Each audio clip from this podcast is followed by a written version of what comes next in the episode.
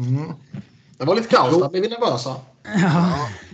Då mina damer och herrar tar vi och säger hej och hjärtligt välkomna till ett nytt avsnitt av Svenska fans NHL-podd med mig Sebastian Norén, Niklas Wiberg och Robin Fredriksson. Först ut då känga till Skype att de har flyttat på grejer.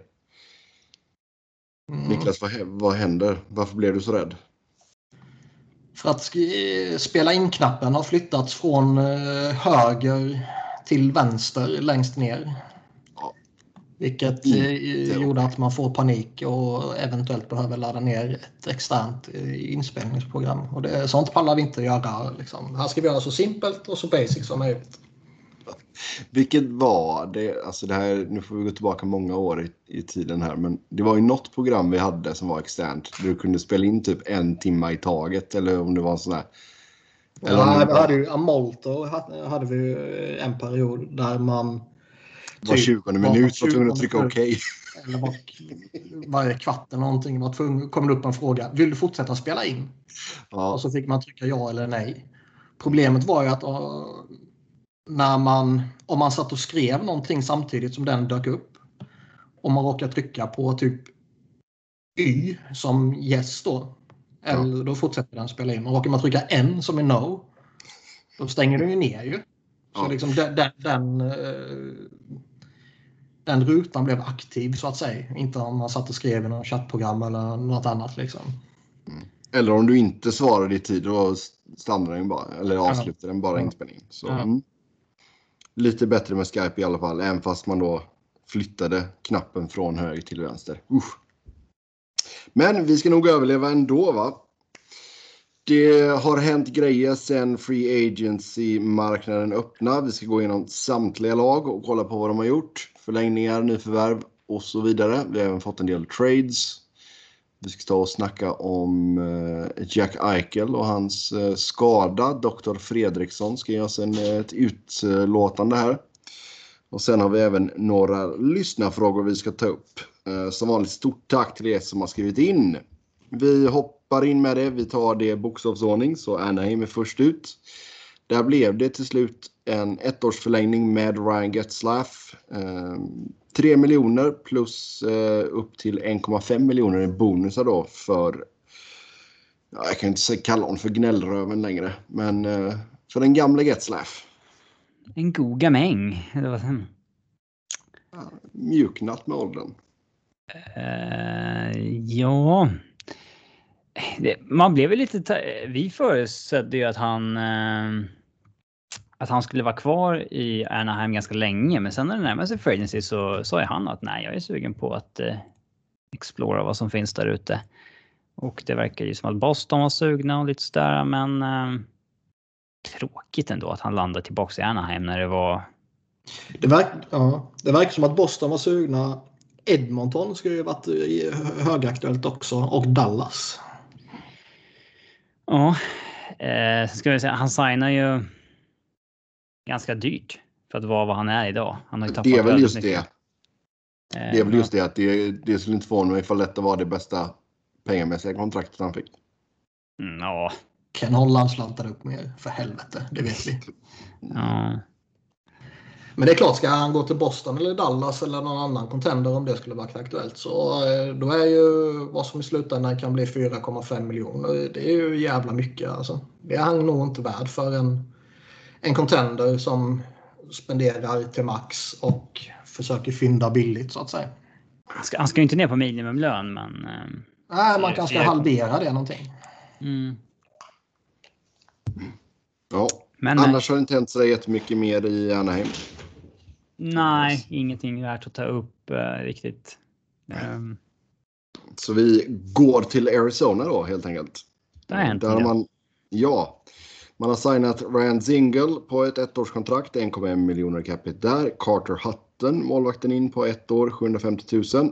Sen har man signat Dimitri Jaskin från KHL, ett år, 3,2 miljoner. Sen så tradar man till sig Anton Strålman och Vladislav Kolyashonok och ett andrarumsval 2024 i utbyte mot ett sjunderumsval 2023 som går till Florida.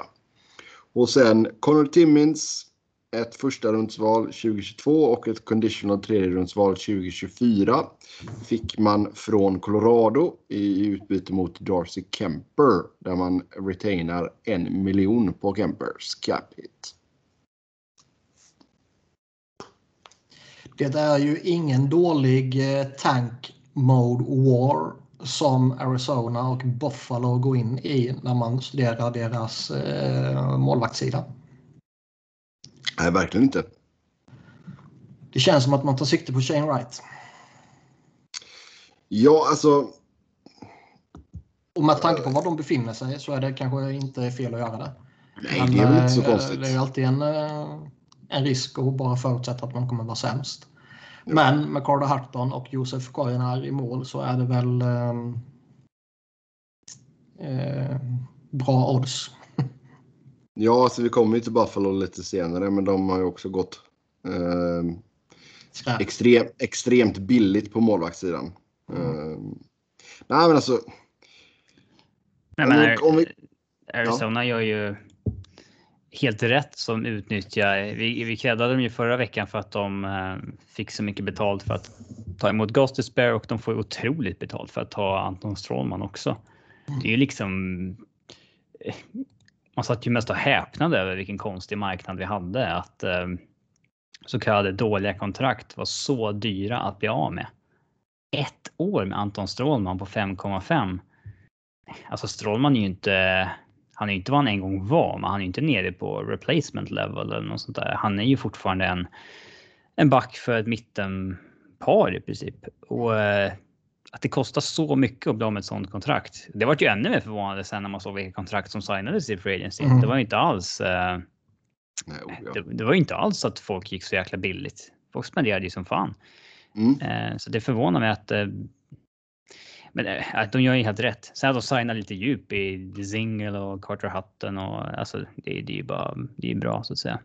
Mm. Och sen, alltså jag tycker det är en, en schysst chansning att ta in, ta in Jaskin ändå. För men han, mm. har ju, han har ju gjort det bra de två åren han har varit i KHL sedan han lämnade Washington. Mm.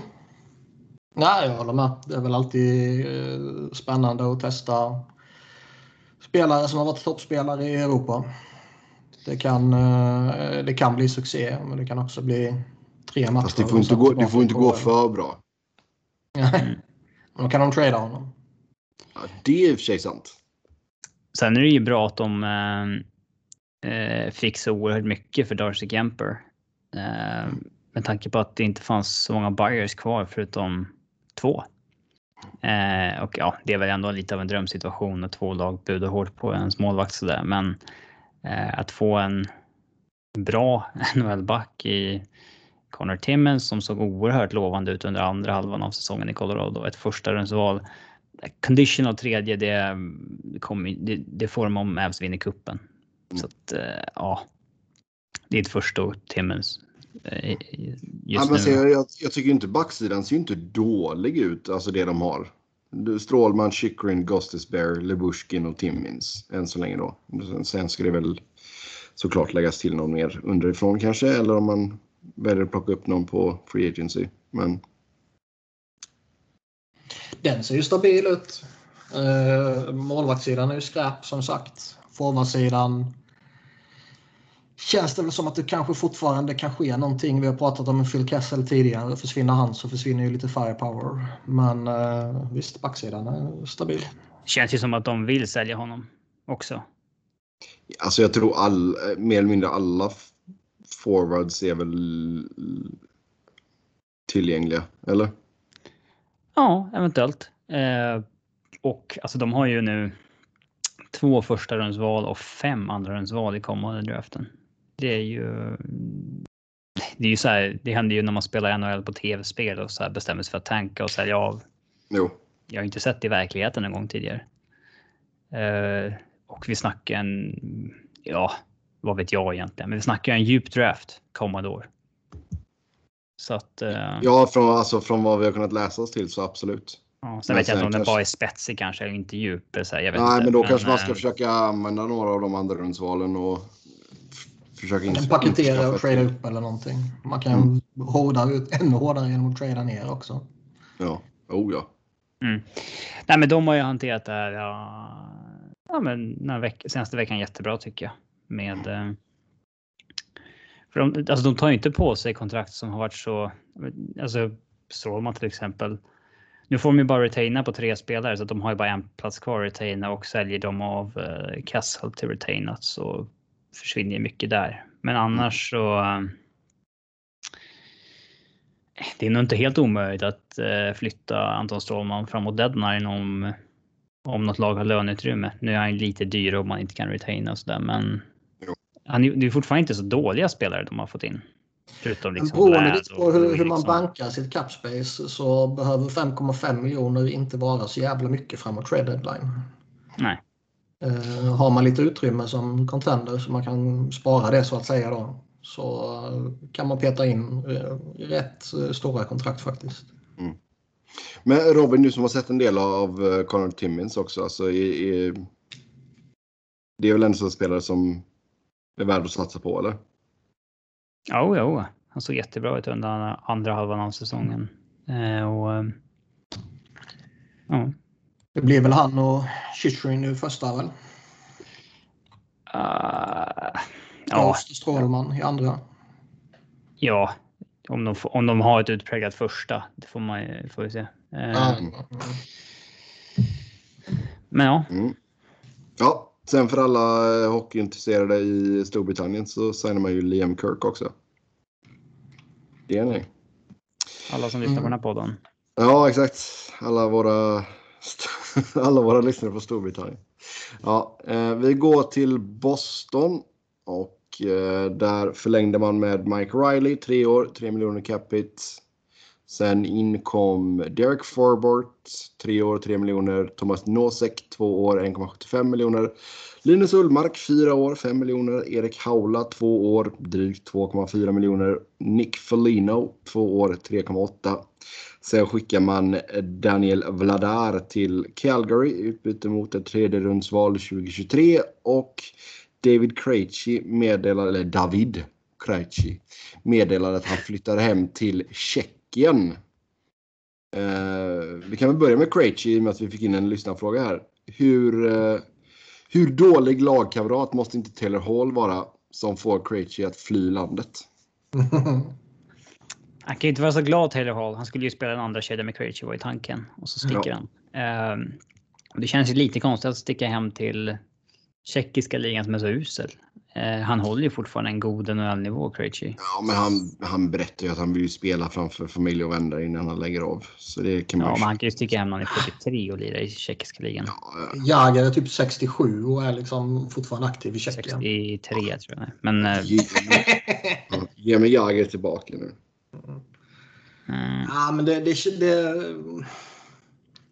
man, man fick ju känslan när, när Boston började samla på sig en massa sådana här spelare som Haula och, och Foligno och sådär som är lite sådär halvdyra liksom. Då kändes det som att jaha, nu kommer inte de få plats med honom. Då blev det plötsligt lite spännande för han är ju fortfarande en väldigt användbar middle six center. Mm. Mm. PP-specialist sådär kanske. Ja. Och, äh. Då kändes det som att det kunde bli något spännande där. Han var på marknaden och skulle absolut kunna göra jättemycket nytta i jättemånga lag. Och sen så bara stämplar han ut. Man signar ju inga, ja, man signar inga dåliga kontrakt med ersättarna här. Alltså Haula och Folino tycker jag. Det är väl vad de är värda ungefär. Eh, tråkiga är väl att de inte jag menar, lite mer term. Ja. Men eh, lagen har väl lärt sig någorlunda.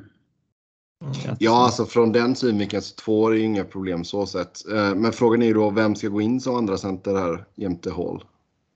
Är det Haula? De, äh, de har ju saknat, eller snackat om att det, det kommer bli by committee. Att man får väl se helt enkelt. Ja. De kommer lösa det för dagen. Typ. Byta andra center varje match då, trevligt. Och sånt är ju lite riskabelt även om de har många som kan göra det och någon kanske funkar. Det kan vara Coil och det kan vara Haula och allt vad det kan vara. Men det känns ju... Det är fan ett tapp att tappa Crazy där alltså. Mm. Ja, det är det. Mm. Ullmark då in som ny etta. den är man ju tveksam till alltså.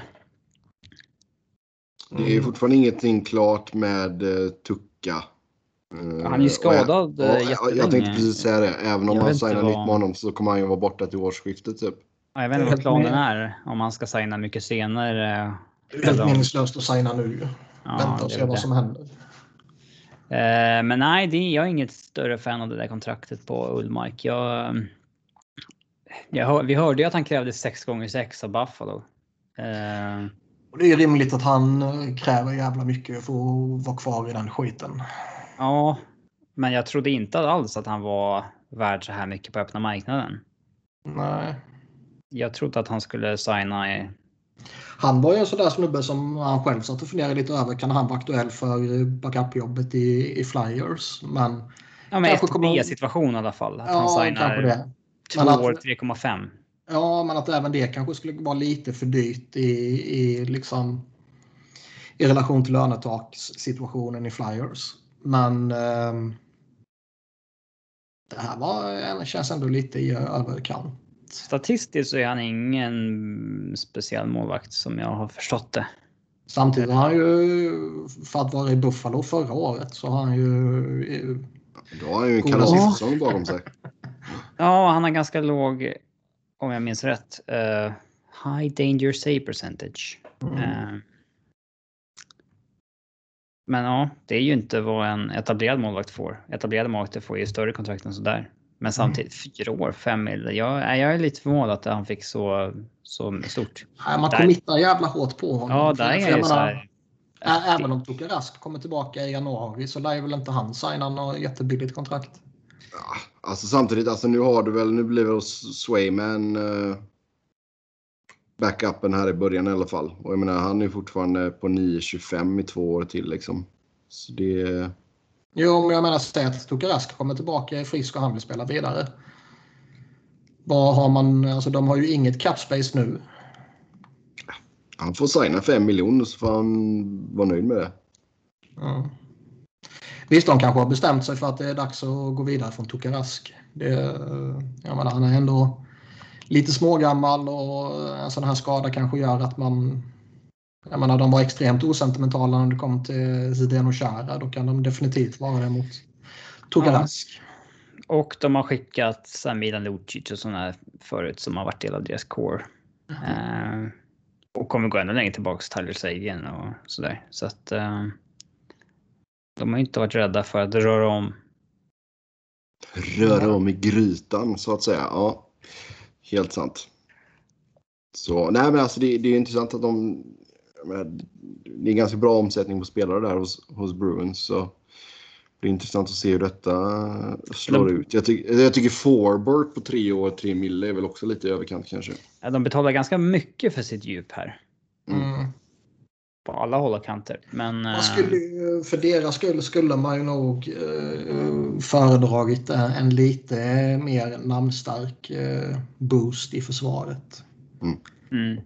Mike Riley var ju bra för dem och Dirk Forbort är väl okej okay sådär. Men det är ändå 6 miljoner för de två. Är, det är rätt mycket Jag får bara ha lite, lite djup sådär. Ja. Mm. Då tar vi och går till Buffalo. Eh, uh, Vin Hinestrosa där ett år, dryga miljonen.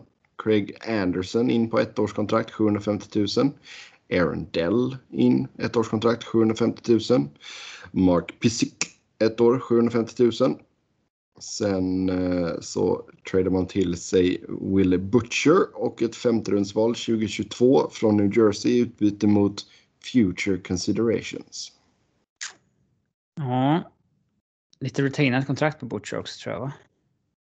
Um, ja. så. Det är ingen dum deal att bara få Will Butcher uh, för att New Jersey vill dumpa lön.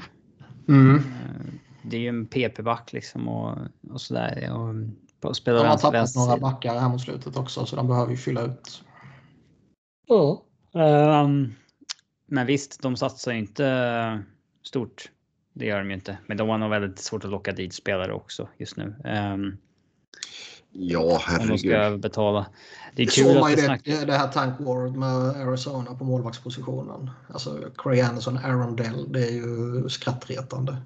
Det är fascinerande att de får Craig Anderson att signa där. Alltså, eh, visst, han kan inte ha mycket att välja på, men det sägs att han har bestämt sig för att gå i pension. Vem fan ångrar sig för att spela för minimumlön i Buffalo? Alltså det är ju, ska han flytta dit med familjen liksom och... Eh, Även minimumlön är ju mycket pengar för oss ja, Han har liksom dragit in 40 miljoner dollar redan.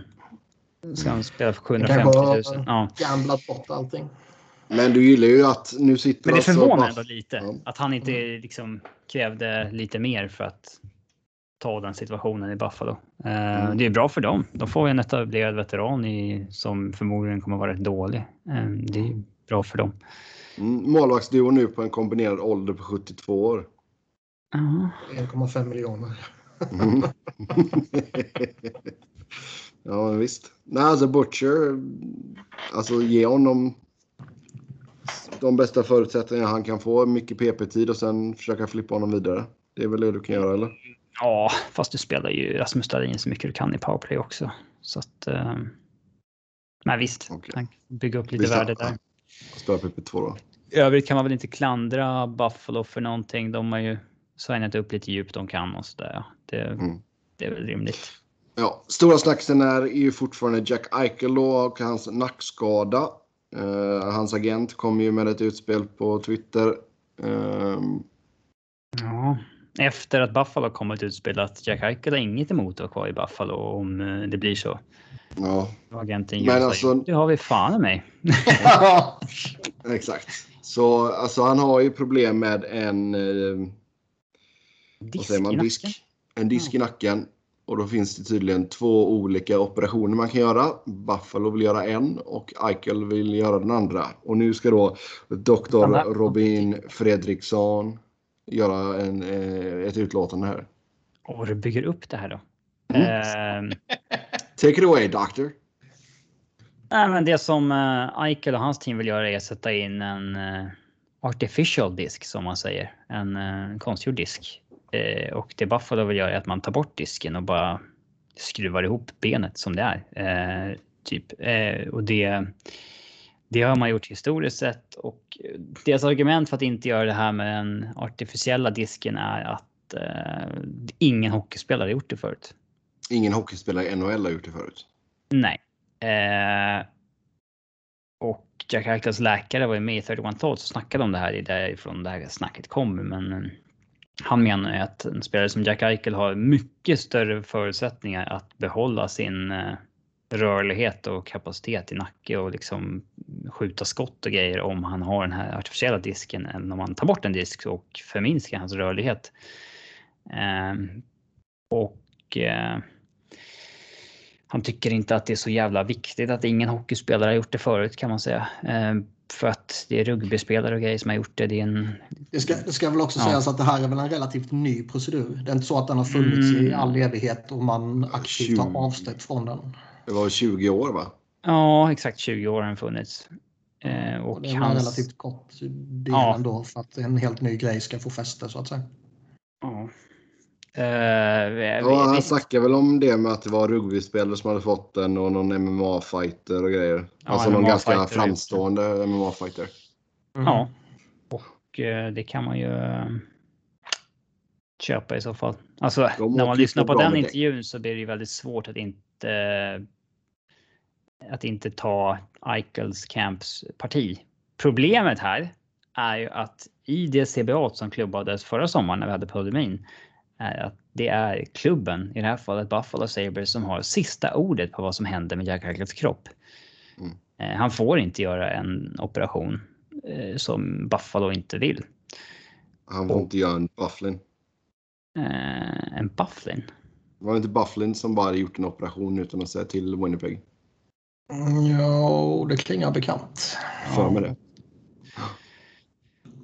Ja, eh, men det var, nu har inte jag lyssnat klart på hela den här podden, men det var... Eh, så nu spekulerar jag bara fritt, men det vore ju kul om Michael gjorde den här ändå. Vad händer då? Tänker Buffalo straffa honom genom att riva kontraktet? Riva kontraktet? Det tror jag inte de gör. Nej. Så vad gör de? Nej, det är ju fascinerande för agenterna här. De menar ju på att, eh, att Buffalo liksom aktivt förstör hans karriär genom att inte låta honom eh, få den här operationen. Skulle han få den operationen så då kommer han, om han får den nu inom inte jätte... Sex veckors rehab säger man att det är. Och då är han på den artificiella ja. Ja. Men och sen här... var det typ 7-8 månader på om de bara fusar den. Ja, och då behöver man dessutom göra om den här inom 10 år igen. Um, och han är ju inte så gammal, Jack Eichel. Nej, alltså det låter uh, mäckigt alltså. Och fusa. Ja, men ja, vad vet vi liksom. Men. Uh, äh, tala för dig själv. Jag röstar på att han ska operera sig nu, Jack Eichel. ja. Nej, men alltså, och det, det är väl det som var grejen också då att lag som kanske undersökt en trade och sådär, de jag menar, då tar du över den rätten att bestämma. Men det är också, ja. alltså, det, du kanske saker har förändrats de senaste dagarna, men bara för om det var en vecka sedan eller två eller tre, det kommer man inte ihåg. Men då var det ju snack om att de här lagen som har snackat med Buffalo, jag tror det var Rangers, Minnesota, att de inte hade fått se hans medicals ännu. Mm. Det var väl snack om att bara de lagen som har varit seriösa kring Aika får se hans medicals. Jo, men jag menar, det, all, alla har ju hela tiden haft uppfattningen att i alla fall Minnesota har varit det och Rangers har ju alltid sniffat där och det känns som att de har varit seriösa. Mm. Eh, men, men, jag menar. Det, det, är väl jävligt rimligt på ett sätt att man inte vill uh, låta var och varannan människa se en, en spelare och en tillgångs medicals så att säga. Och sen så ju fler som får se det desto större risk finns det ju att det får, den informationen får fötter så att säga. Mm. Men eh, så det, det kan ju vara... ska folk trada för en och så måste de ju visa alla lag det. Helt enkelt. Jo, jo, så är det ju. Och det, det är ju rimligt att inte bara liksom bifoga det där dokumentet i alla GMs WhatsApp-grupp. Men man kanske behöver dela med sig av det lite tidigare än precis innan man är på väg att slutföra en trade. Mm. Men alltså, alltså, om jag bara frågar er två personligt, liksom, vad tycker ni om att man gjorde som man gjorde i CBA där, att det är klubbarna som har sista ordet? Jag tyckte inte spelarna om det skulle de väl eh, inte röstat igenom CBA. Det var kanske Bufflin som skapade den här grejen. Det vet mm. inte. Nej, men alltså så länge det finns ett kollektivavtal så får man ju förhålla sig till det. Eller så får man ju kliva åt sidan. Mm. Sen så alltså, kan ju, alltså beroende på om det här är Jack Eichel eller om det är ehm, eh, vad fan ska vi hitta på för skräp hos dem? Eh, John Hayden så kan ju spelare sätta lite olika press på klubben. Det finns jag, gillar, en... jag gillar ändå så att du bara går in och typ bara, vem har lägst cap hit här nu ja. av alla forwards? Bara, uh. Skitspelare. ja. Men jag menar det är klart att har man star power och kommer med en sån pulling power så har man ju klart mycket större möjligheter att få igenom saker som kanske ja, vad säger man, inte strider mot CBA men, men att fast, sam ja, fast samtidigt så kanske de bara, men Hayden, ja ja, låt han vara någon jävla guinea pig då liksom. Jo, så är det väl. Men det är nog svårare för honom att slåss för någonting. Eh, det kommer inte få lika många rubriker, det kommer inte få lika mycket uppmärksamhet. Det, nej, nej, det är klart inte får. Bla, bla, bla. Så det där, där, tror jag ändå Jack Eichel nog ändå har större möjligheter att, att tvinga sig fram till någonting. För mm. det är som vi sa alltså, tidigare, de, de kommer inte riva hans kontrakt. Och, de kommer ju alltså, stänga av honom och inte låta honom spela och bara låta honom sitta och ruttna. Det kommer inte heller ske. Nej. Alltså det hade ju varit intressant om de hade haft med typ Buffalos lagläkare eller någonting som fick förklara deras resonemang. För det blir ju jävligt ensidigt när de bara har med den här läkaren som... För det var ju han som skulle göra den här operationen också i så fall. Mm. Um, men liksom rent spontant för mig som inte är utbildad läkare så låter det ju bättre med eh, den här artificiella eh, disken då. Samtidigt vet vi att hockeyvärlden är extremt konservativ. På alla sätt. Mm. Nya saker är farliga och skrämmande. Ja. Japp, vi lämnar Buffalo. Det är, alltså, det, det, det är som de sa också att vi hade förväntat oss en trade nu. Sa ju agenterna. Och det är väl typ alla hade ju nästan gjort det. Det är sant. Om inte så i samband med draften så i alla fall i samband med Free Agency-dagarna så att säga. Det är mycket svårare att få igenom en trade nu. Mm. Nu har ju lag bundit upp massa mer pengar som inte fanns på... Visst, alltså, vill man trada för Jack Eichel så går det att lösa de pengarna och antar jag. Men vi har ju sett hur jävla mycket det kostar som eh, kontrakt senaste mm. tiden. Det är fan inte många som kan ta in 10 miljoner bara där. De måste, de måste bara få gå med på att ta bra mycket lön tillbaka i samma deal för att det ska gå att funka. Och det laget som kopplade samman kanske är mest med honom av uh, har vi kanske varit Vegas och de är ju över lönetaket nu. Och de har ja, de är ju kört. De, de valde att signa Alec Martinez och lite sådär istället. Ja, trädde till sig Dodona och allt vad det var. Ja. Yep. Men visst, de kan väl lösa det igen. Jag menar, lyckades de lösa Alex Petrolandi förra året så kan de väl lösa Jack Eichel nu genom att uh, mobba ut några spelare. Ja. Det är bara att trada dem utan att eh, meddela dem så får de se det på Twitter. Helt enkelt. Ja. ja, då går vi till Calgary. Där så skrev man på ett eh, sexårskontrakt med Blake Coleman. Capiten landar på 4,9 miljoner. Sen tog man in eh, Nikita Sadorov och skickade ett tredje rundsval 2022 till Chicago. Och sen som vi sa tidigare då in med Daniel Vladar. Och så skickade man ett tredje rundsval 2022 till Boston. Ja. Uh, Coleman vi alltså. Sa vi på Arizona förresten att Hjalmarsson går i pension? Jag tror vi fick med det förra gången. Ja, det kanske inte var officiellt då. Ja, jo, vi tog med det förra gången. Mm. Vi tog med jag sa, jag sa så här, och vad hände nyss Sebbe? Sa jag. Eh, och då ja, hade det skett. Då sa jag att vår vän Craig Morgan rapporterade att. Så jag vet inte om det var officiellt officiellt. Exakt. Men nej. Eh, nej, det är helt sant. Hjalmarsson i pension. Eh, tråkigt på ett sätt. Men han kan ju se, han kan ju se till, tillbaka på en lång och fin karriär. Ja, visst. Calgary. Ja, Black Coleman då alltså efter uh, framgångarna i uh, Tampa. Ja, alltså. Långt och... Bra, bra spelare. Jag hade gärna haft honom i min middle six och jag är absolut fine med att ha honom i min middle six till 4,9. Men uh, sex år. 29 bast. Mm. Ja du. Jag tycker att för de pengarna borde man ju halvera termen. Typ. Mm. Kanske fyra år. För det är ju ändå, jag menar i, i Devils gjorde han ju två raka 20 måls säsonger. Bara av ja, den andra säsongen kom på 57 matcher bara. En second liner liksom. Ja. Och skulle han spelat en hel säsong denna gångna säsongen så skulle han förmodligen tagit sig över 20 mål också. Så han kanske har hittat sin nivå där någonstans. Så det är ju det är ju klart användbart. Han har visat sig vara eh, nyttig i slutspel och hela köret. Men eh, jag vet inte. Alltså jag tycker de får ju en solid topp 6 här nu alltså. Får de det? Mm. Ja, det tycker jag ändå. Alltså så, såvida typ Johnny Hockey och Monahan kommer upp i normal nivå.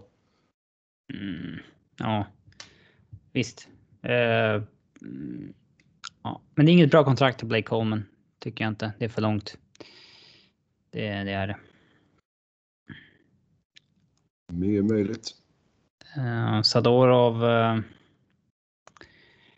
han vill ju ha en brutal jävla lön i, uh, i Chicago. Uh, han har ju signat nu. Vad är det? Alltså när han kom ifrån sitt HLC då signade han ju ett, en bridge deal med Avalanche. Sen sa han hade ett ettårskontrakt med Avalanche. Och sen ett ettårskontrakt med Chicago. Det känns som att han kommer få ta ett fjärde prove it kontrakt. Att han är värd vad han vill ha.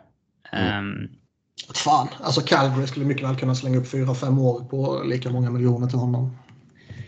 För The Athletic skrev ju att han ville ha fem år på 5,85 miljoner. Mm. Vilket vore helt vansinnigt alltså. Alltså Sadorov har ju varit en... Uh, alltså han var ju en lovande back när han kom fram. Han, han åker bra skridskor och han är stor som fan. Han tacklas och är liksom tillräckligt bra med klubban för att inte vara ett problem. Men han är helt dum i huvudet liksom. Han, uh, han har ingen kyla. Alltså han, han, han gör jättemycket misstag. Eh, och han är trots sin size otroligt dålig på att hålla rent framför mål. Det är så ofta det sker ett mål på en retur eller någonting och han står där och ser ut som ett fån liksom har ingen aning om hur det gick till. Eh, han blev liksom inte vad som hoppades på. Alltså det, han fick inte ihop det trots alla egenskaperna han var född med så att säga. Eh, för att, no, inte, inte hockeyhjärnan för eh, att, att committa på ett femårskontrakt på honom nu, det, det, det vore ett jävla misstag alltså tror jag. Jag tror det kommer ske. Eh, Man tradar väl inte för honom annars?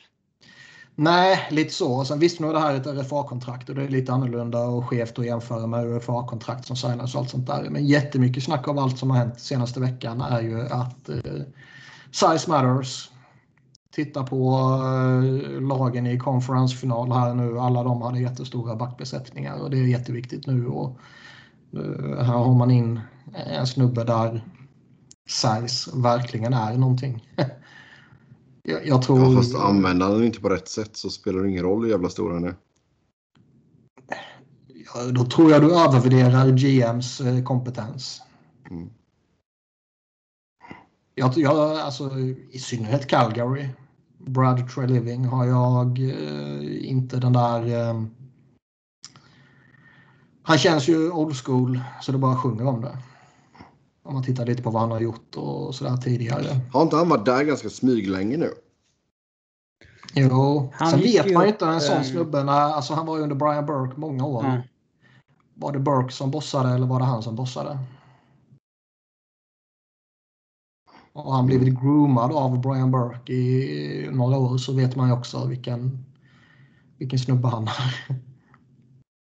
Ja. Så jag skulle bli man... förvånad om han får alltså, fyra gånger fyra eller något sånt där som ändå är ett stort kontrakt. Mm. Vad gör man nu bakom Markström då? Vladar kom in men han är ju inte direkt proven. Nej, men det är ju Markström som är deras guy. Så det är väl bara att köra. Mm. Nadal, det, var, det var ju lite snack eh, när Boston tradade honom att eh, Swayman kan passera waivers men inte Vladar har jag för mig. Mm, och.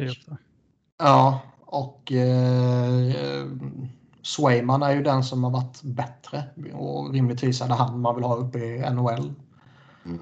Och då fick man tillbaka ett, ett hyggligt pick för honom. Och Eh, jag menar, liknande resonemang borde man ju nästan kunna ta till, till Flames då. Att, eh, varför ge upp ett, ett pick, third rounder sannolikheten för att du får någon stjärna där är ju liten såklart. Men det finns ändå ett värde i, i valet och bara vaska det för en snubbe som du kommer sätta på waiver som några månader känns ju lite riskabelt. Mm. Så jag skulle inte bli förvånad om de ändå tänker sig att Markström är den snubben som kommer spela eh, den absoluta majoriteten av matcherna och så testar vi Vladar. Vad var det mer? Adam Werner kom in också på ett ettårskontrakt. Det står inte i körschemat. Nej, jag vet. Du tar upp det. Det är helt stört. Ja, visst. Ja. visst. Han är kanske liksom på sin höjd andra målvakt i AHL-laget. ja, startar i AHL-laget tror jag. Men, men. Oavsett vilket fullkomligt irrelevant. Ja. Carolina. Där händer det grejer. Jävlar vad händer eh, grejer. Jordan Martinuk, treårsförlängning, 1,8 miljoner. Ian Cole kommer in på ett ettårskontrakt, 2,9 miljoner. Tony DeAngelo kommer in på ett år, en miljon. Antiranta, två år, 2 miljoner. Fredrik Andersen, två år, 4,5 miljoner. Brandon Smith, ett år 800 000. Derek Stepan, ett år 1,35 miljoner. Sen så tradade man till sig Ethan Bear från Edmonton och skickade Warren Fogel i utbyte. Ja, det, ska, vi börja med, ska vi börja med D'Angelo då? Ska vi börja med målvaktspositionen som de löser det ändå. Det, Okej okay då. De vill inte signa Nedeljkovic. De löser det på Free Agency med Ranta och Andersen och det är väl. Um, det är klart att det är lite av en chansning, men de blåser upp två målvakter på combine 6,5. Det är ändå ganska uh, okej. Okay. Men visst, de har ju inget säkert kort här. Nej, men det är väl liknande som det var när man tog in Merasek och Reimer liksom. Ja, eh, det känns som att Carolina är en av de organisationerna som insett att målvakter är en crapshoot liksom. Att det, men he hela deras vecka här skriker ju budgetlösningar. Även om 4,5 inte skriker budgetlösning Fredrik Andersen och sådär så målvaktspositionen som helhet på 6,5 är ju lite budgetlösning varning i relation till att det ändå är ett lag som var ansedd som topp 5 kanske mm. i ligan förra säsongen. Ja. Mm. Um. Jag, jag, kan väl förstå någonstans att man kanske går efter en sån som Fredrik Andersen om man nu är insnöad på att vi måste ha en veteran. Vi behöver en snubbe som uh, har varit med och som bla bla bla bla bla. Um. Det känns ju konstigt att han får ett uh, det här jobbet dock. Jag trodde att han skulle hamna i en 1B situation där han mm. ja, men typ med Carter Hart i Flyers. Ja, men det kan väl fortfarande bli alltså han är väl ett A i detta läget liksom. Men jag kan ja, fortfarande se att, eh, jag kan fortfarande se att de delar hyfsat på det ändå. Jag tror inte att det kommer mm. vara som det har varit förr när Andersen har spelat till benen liksom. Nej, nej exakt. Och Santa, men, hur fitt är han då? Alltså... Ja, det är en bra fråga. Men det är ju det, det är ju han som förvånar. Som sagt, jag, jag kan väl förstå. Eh, man skulle kunna acceptera sådär att de tar in Fredrik Andersson om man vill ha honom och hela det köret. Men det udda är att man ger upp en ung, lovande, utvecklingsbar egen målvakt som inte kostar mycket mer än vad man faktiskt signar Antiranta för. Nej, men alltså, sen vet man inte exakt vad Nedeljkovic hade för krav heller. Liksom. Nej, men han signade ju 3 miljoner i Detroit. Jo, jo. Och det är ju det man får förhålla sig till. Men hade, hade han gjort det i Carolina? Vad Vet ej, men snacket var väl att de hade erbjudit honom 1,5 eller någonting. Och det är ja. också... Alltså de... Vi kommer väl komma in på det när vi pratar en viss backlösning här. Men mm. som sagt, allting Keynes har gjort skriker ju nästan budgetlösning. Ja. De uh, lowballar Doggy Hamilton på uh, sista erbjudandet var typ 6 gånger 6 eller någonting. Och eh, det förstår ju alla att det, det, är inget kontrakt han kommer ta. Nej. Um, Nej, de lowballar, lowballar Hamilton, lowballar Nedeljkovic. Ja. Och det de signar är eh, på sina håll budgetlösningar eller i alla fall billiga kontrakt. De ersätter ju DeAngelo, eller de ersätter ju Hamilton med DeAngelo. Ja. Eller Ethan Bear om man ser det på så vis. Men mm. alltså, det blir ju så. Ja, men det är ju D'Angelo. Det är ju en, eh, om, man ba, om man bara bortser från all skit och tittar på, på faktisk potential på, på isen så är det ju en poor man's Doggy Hamilton. Om man tänker en PP-specialist och, och någon, någon, som kanske kan transportera lite puck och sådär. Sen är ju Hamilton som helhet, eh, liksom hela paketet på ett annat sätt. Mm. Men om man bara tittar på specifika spetskompetenser typ. Men det går ju inte bara att titta på det, sportsliga när det kommer till honom. Nej, det gör ju inte det. Alltså det var ju... Visst, nu har man väl kanske ett selektivt flöde i, på Twitter, men det var ju många Carolina-fans som vädjade att klubben inte skulle signa honom. Liksom. Många. Mm. Man vet ju aldrig hur det är. Liksom, Twitter kan ju ge en jävla skev bild av verkligheten. Det är liksom eh, en liten andel av befolkningen som har Twitter och av de som har Twitter är det en liten andel som är eh, dagligt aktiva om man säger så. Mm. Men det var ändå, när det kom ut här så det spreds ju ändå en hel del om att folk ringer och hotar att säga upp sina säsongsbiljetter och hela det köret. Och, eh, det kan ju omöjligtvis vara så att Keynes inte var medvetna om hur det här skulle uppfattas. Det är kul i och med att de har varit den så här gulliga laget i NHL i flera år som alla liksom smyghejar på för att de helt skamlöst tycker om att man hejar på andra lag som inte är steget ibland. Ja, eh. bara för några månader sedan går de ut med en kampanj liksom att nu, nu ska vi ta krafttag mot rasismen inom hockeyn. Det ska inte förekomma på eller utanför isen. Och sen det är bara PR-moves. Ja, och sen går det några månader och sen signar man Tony DeAngelo. Mm. Och säger att det är absolut inget fel på honom. Alla vi har pratat med av hans lagkamrater har sagt att han är en jättefin lagkamrat. Han har inget ont alls att säga om honom. Och eh, alla förtjänar en andra chans. Problemet är ju bara att eh, Tony D'Angelo är uppe på typ sin sjunde chans nu. Ja. Alltså, man trodde ju att han hade skämt sig i, man trodde ju att han hade skämt sig i Rangers. Mm. Men att han...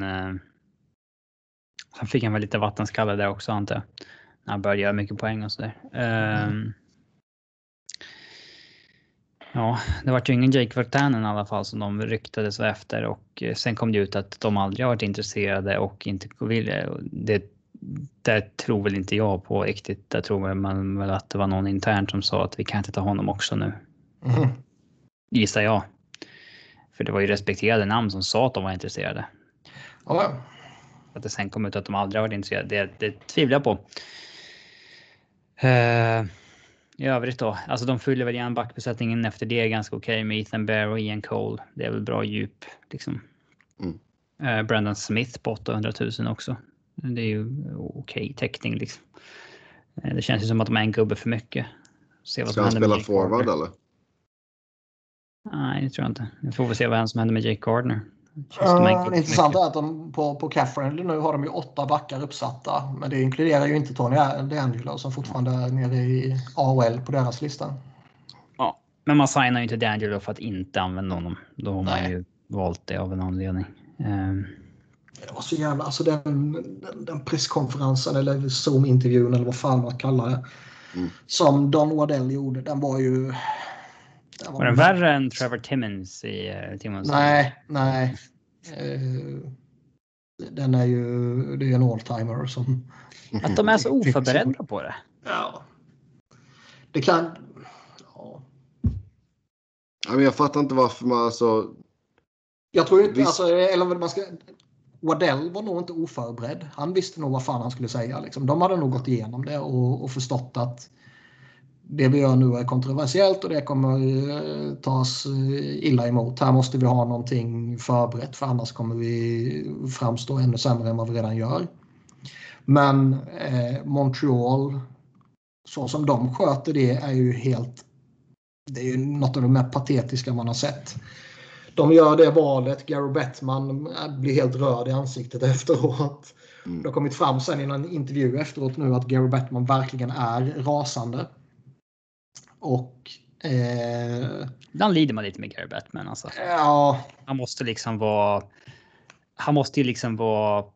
Han kan aldrig ta ett tydligt parti. Han måste liksom vara god relation med alla och så här. Det, ja. men, men sen alltså... Eh, sen gör man den, den intervjun som Timmins gjorde där och, och skämmer ut sig fullkomligt. Och Eh, sekunderna efter man draftar honom, eller minuterna eller vad det var nu, så kör man ut det här, ett statement också. Och då, då hade man väl någon form av förberedelse. Men sen går det ju flera dagar innan deras ägare Månsson uttalar sig och han gör det genom att släppa ett statement en halvtimme in på Free Agency. När det surras som allra mest i ligan om andra saker. Då försöker man begrava en sån sak. Det är så jävla ynkligt. Och det är så jävla medvetet också. Mm. Alltså jag, jag fattar inte varför man tar på sig den dåliga PR-grejen. Liksom du... Men skit i det. Alltså, det har ja, men alltså, jag hade ju hellre sett att man... Ja, men det, fan, det hade varit bättre att behålla Jake Bean. Ge honom en ordentlig chans. Ja, men de, de ser ju de ser en möjlighet här att få in en en potentiell poängmaskin på en miljon. De ser, de ser ju bara de möjligheterna. möjlighet snarare. Ja. Här är en snubbe som kommer göra allting för oss för att vi ger honom chansen. Han kan göra 60 poäng kanske om, han, om det faller väl ut och hela det där köret. Och, eh, eh det är värt så mycket mer för en miljon dollar än vad all PR är. För alltså det, det, finns ju en massiv, massiv del av deras publik som inte bryr sig ett skit om det här och som kanske till och med backar D'Angelo. Baserat på fyra dagar i Carolina innan det första Trump-valet så kan jag intyga att det finns jävla många Trump-supportrar i Raleigh. Vi var ju där, jag och Emil, bara veckan innan det valet. Och det var mycket Trump där. Och, så ni åkte på, eh, på Trump-rallys och så säger att det var under... Bara, nej, nej, vi ska åka och kolla hockey. Ja, exakt. Okay. Jag menar, det, det, kan nog finnas ett sånt stöd för honom också som kan vara rätt utbrett. Och... Eh... Utan, att kolla, utan att kolla upp eh, de senaste valgrejerna så känns det väl som att Raleigh, liksom själva staden, är nog ganska blå. Jag vet inte vad blå innebär. Ja, men demokratisk. Mm. Tvärtom mot Sverige. Ja, jag vet inte i Sverige heller. Ja, sossarna är röda och moderaterna är blåa. Mm. Tvärtom i USA. Ja. Uh, men i vilket fall som helst. Det är... blåa på Cap Friendly. Det är Jäkla... till, ja. eller till rött och blått. Ja, men sen, jag menar, du tar in Ethan Bear också som får, självklart då fick frågor om, om D'Angelo också. Liksom. Um, men ja, vi får väl se ifall han... Han bör ju vara på ett jäkla kort koppel. Ja, men det är så, åh, den där jävla intervjun han gör, även om man bara går in och tittar på citaten. Och det är så konstiga grejer. att äh, men vi, vi har fått eh, nu minns man inte ordagrant vad han sa, men att de, de har fått... Eh, de, de, de känner sig trygga i att han har ändrat sig. Och jaha, på vilket sätt? Säger typ journalisterna. Nej, men vi, vi känner så. Men uh, det verkar ju som att flera lag var intresserade av D'Angelo, men att det stannade någonstans på vägen att ägare sa nej eller inte. Ja, det var rätt många som sa att det var många lag som var intresserade på kanske coach och GM-nivå, men att ägare steppade in och sa nej, nej. Mm. De ser lite större i PR-smällen. Mm. De, de skiter förmodligen också i det moraliska så att säga. De ser väl mest en PR-kalkyl på det. Mm. Mm. Ja, då går vi till Chicago. Där man, med, ja. man hoppas ju att den här jävla skiten kommer brisera i ansiktet på dem så jävla hårt på något sätt. Ja, att han står och heilar i båset match 1 eller någonting. Typ. Alltså, all, all, nej, men på riktigt, all goodwill som Keynes ändå på, på fullt allvar har byggt upp de senaste åren genom att vara den här lilla gulliga klubben som ja, alla Interagera med fansen och... Ja. ja. En laggris. Ja. All, allt det är ju raserat och eh, jag önskar dem all olycka. Jag eh, fram till det att eh, Rod Brindamore eh, kickar bort honom från laget så kommer jag eh, inte säga hans smeknamn med mitt porrstön längre. Jag vet att ni tar illa upp för att jag inte kommer göra det längre. Men, men det känns ju också som att skulle, alltså det, men, ja, det, man har ju befog för detta, men det känns ändå så som att skulle han göra någonting dumt där så skulle ju inte Brenda Moore han skulle ju kunna lappa till honom typ. ja, jag hoppas det. Faktiskt. Um, det är väl det intrycket, det, är, det, det intrycket man har fått från Brendan Moore i alla fall. Ja, men hela den här grejen. Vi har pratat med så många av hans lagkamrater och det är inte en som har ett enda ont att säga om honom. Liksom. Men pratar de med Georgiev då? Alltså du, ja. Det är så jävla bisarrt hela skiten. Ja. Ja, vi släpper den och går till Chicago. Eh, Jake McCabe, 4 år, 4 miljoner. Juha Kaira, 1 år, 975 000. Sen tradar man till sig Mark-André Fleury från Vegas i utbyte mot Mikael Hakkarainen. Sen så fick man även in Tyler Johnson och ett andrarumsval 2023 från Tampa i utbyte mot Brent Seabrooks kontrakt. Ehm, och sen då skickade man Sadorov till Calgary och fick ett tredje rundsval 2022. Uh, ja. Ja, alltså tycker man alltså att Jones är the man här verkligen, då um, om vi bortser från det. Då mm. måste man ju säga att Stan Bowman gör ju ändå en, en jävla push för att de ska vara competitive igen. Oh ja. Uh, han gör allt han kan för att inte få sparken. Mm. Fick ju besked idag om att eh, Marc-André Fleury har bestämt sig för att spela för Chicago också. Mm. Så den chansningen går hem. De får en Vesna-målvakt in. Jag tycker det, det var... 37-åriga målvakter är ju sådär. Men eh, mm. ja. Att ha han och Lankinen combine på 7,8. Ändå bra, tror jag. Det var ju väldigt, väldigt mycket snack just när de tradat för honom. Och det, den biten kanske vi kan ta när vi kommer till Vegas, som man skötte det. Men det var ju oklart rätt länge på om han faktiskt skulle spela eller inte. Och då fick de ju på sina håll kritik för att alltså, fan, man kan inte trada för en spelare som man inte vet om han vill spela eller inte. Men i det läget, den kostnaden, är det ju så jävla givet att ta den chansningen. Ja, alltså. Visst, man, man riskar ju lite genom att du gör den chansningen på Flurry och sen så går det några dagar och sen säger han fuck it, jag kommer fortsätta bo här med min familj, jag kommer inte spela, jag går i pension. Och sen står man där, hela målvaktsmarknaden är uttömd, det finns ingen annan att få, låtsas vi. Mm. Då har man skitit ner sig. Men nu när det faller väl ut och han... Eh, om man förutsätter att han inte kommer tokkrascha. Han kanske kommer...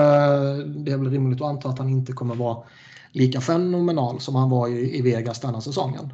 Men jag tror inte han kommer tokkrascha på, på ett år. Nej, alltså du... Men de har ju Lankinen också. Alltså, ja. de har en duo. Mm. Um, så, ja. Så att, sen, nej, det... kanske inte, sen kanske inte försvaret är riktigt samma klass som Vegas, men... Nej, det är det jag menar med att han kanske inte kommer att vara lika bra. Nej. Um, men den McCabe är en solid äh, defensiv back. Ja. Um, bra back för ett andra par. Mm. Tycker jag.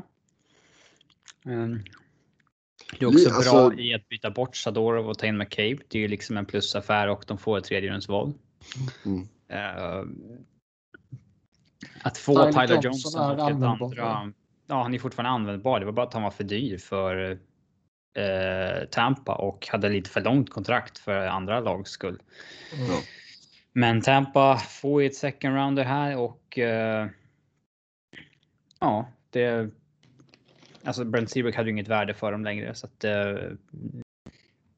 nej, alltså de får ju betalt för att ta Tyler Johnson och hans capita och han är användbar för dem. Så att där blir de också bättre så att säga. Mm. Eh, och eh, ja, de har kommit en bra bit på vägen här till att jag skulle inte säga att de är ett givet slutspelslag, inte alls. Eh, Nej, men alltså de ska ju vara med och slåss om en wildcard-plats nu. Absolut. Ja, vildkortet det är ändå lite öppet i Central tycker man. Colorado och... Eh, eller Colorado är ju ensamma i toppen så att säga. Sen tycker jag väl att Winnipeg, när vi kommer till dem sen, de har ju imponerat på ett rätt bra sätt här de senaste dagarna tycker jag. Mm. De eh, ska man nog kunna hoppas på att de ska kunna vara ett slutspelslag. Men sen är det ju rätt vidöppet mellan Blues och Stars och Blackhawks. Och Wild. Ja. Mm. Mm. Det hänger mycket på Seth Jones. Är han ettan som han kan ja, ha varit, har varit förut eller har nerdsen rätt? Mm. Ja, för alltså bakom honom där så mm, nej. Ja, han kommer, han kommer få spela 30 minuter. Ja. ja, då går vi till Colorado och Eh, man fick till slut till en förlängning med Gabriel Landeskog. Det blev åtta år, 7 miljoner capita. Sen kommer Darren Helmin på ett ettårskontrakt, en miljon. Tyson Jost skriver nytt två år, två miljoner. Man eh, skickade ett fjärdedelsval 2023 till Seattle för Curtis McDermid. Och sen då in med Kemper, den har vi redan snackat om utbytet där. Så eh, man tappar Grubauer men du får in Kemper. Ja, det finns lite att ta i här. De, de, spelade, ju, de spelade ju poker chicken race med Grubauer liksom och eh, fler och fler intressenter försvann ju. Uh, fler och fler lag signade målvakt och det kändes ju som att det fanns inga lag kvar. Han kunde bara signa med Colorado och alla visste ju att Colorado var hans första val. Men eh, Seattle var ju alltid ett orostecken. Alltså, de hade mycket cap space liksom. Eh, man visste, och det är lite oklart vad de gör där. Så mm. att, eh, det där var man lite. Sen, ja. ja, där var man lite orolig och där kommer ju det där kontraktet. Eh, Als tänkte ju mer 5 miljoner kring Gubauer. Han tänkte ju mer 6 miljoner och han, jag kan nog lova att han hade inte fått 6 år av Colorado. Um, så nu kan man ju ta frågan, ska man matcha det där kontraktet eller inte? Jag är väldigt kluven. Å ena sidan, nej, målvakter ska inte ha ett sexårskontrakt om det inte är liksom Vasilevski eller någonting. Eh, å andra sidan får man kanske anpassa sig efter marknaden och bara liksom ge honom det. Eh, men eh, när, eh, när han väljer att sticka till Seattle så var ju plan B att trada för Darcy Kemper och plan C att signa Fredrik Andersen. Och Fredrik Andersen går då till Carolina och då finns det bara Darcy Kemper kvar på listan och liksom skulle det inte blivit han så då finns det inte mycket alternativ alls. Man har Pavel Fransos som har varit skadad i typ 18 månader och är 30 plus. Eh, du kan inte förlita dig på honom överhuvudtaget. Ehm, och... Jonas Johansson alltså start, startmålvakt i NHL. ja, men då. Och i det här läget så går ju Edmonton och Colorado för Darcy Kemper och Darren Dreger skriver ju då att Edmonton har det bättre budet. Det är så jävla konstigt också, Edmonton. Men det kommer vi väl till. Då kan jag förstå att eh, det finns ju. Alltså Darcy Kymper har ju haft en otroligt hög räddningsprocent de senaste åren, men varit otroligt skadebenägen. Han är ju på ett sätt det bästa alternativet på marknaden. Eh, men eh, man betalar ett jäkla pris för att få honom här. Det är ju lite ju, panikkänsla ju. ja, man, man spelade poker och eh, liksom hamnade i en knivig sits. Eh, och jag, jag, kan förstå att man ändå. Det svider framförallt att ge upp Connor Timmons här. Att, att ge upp första valet.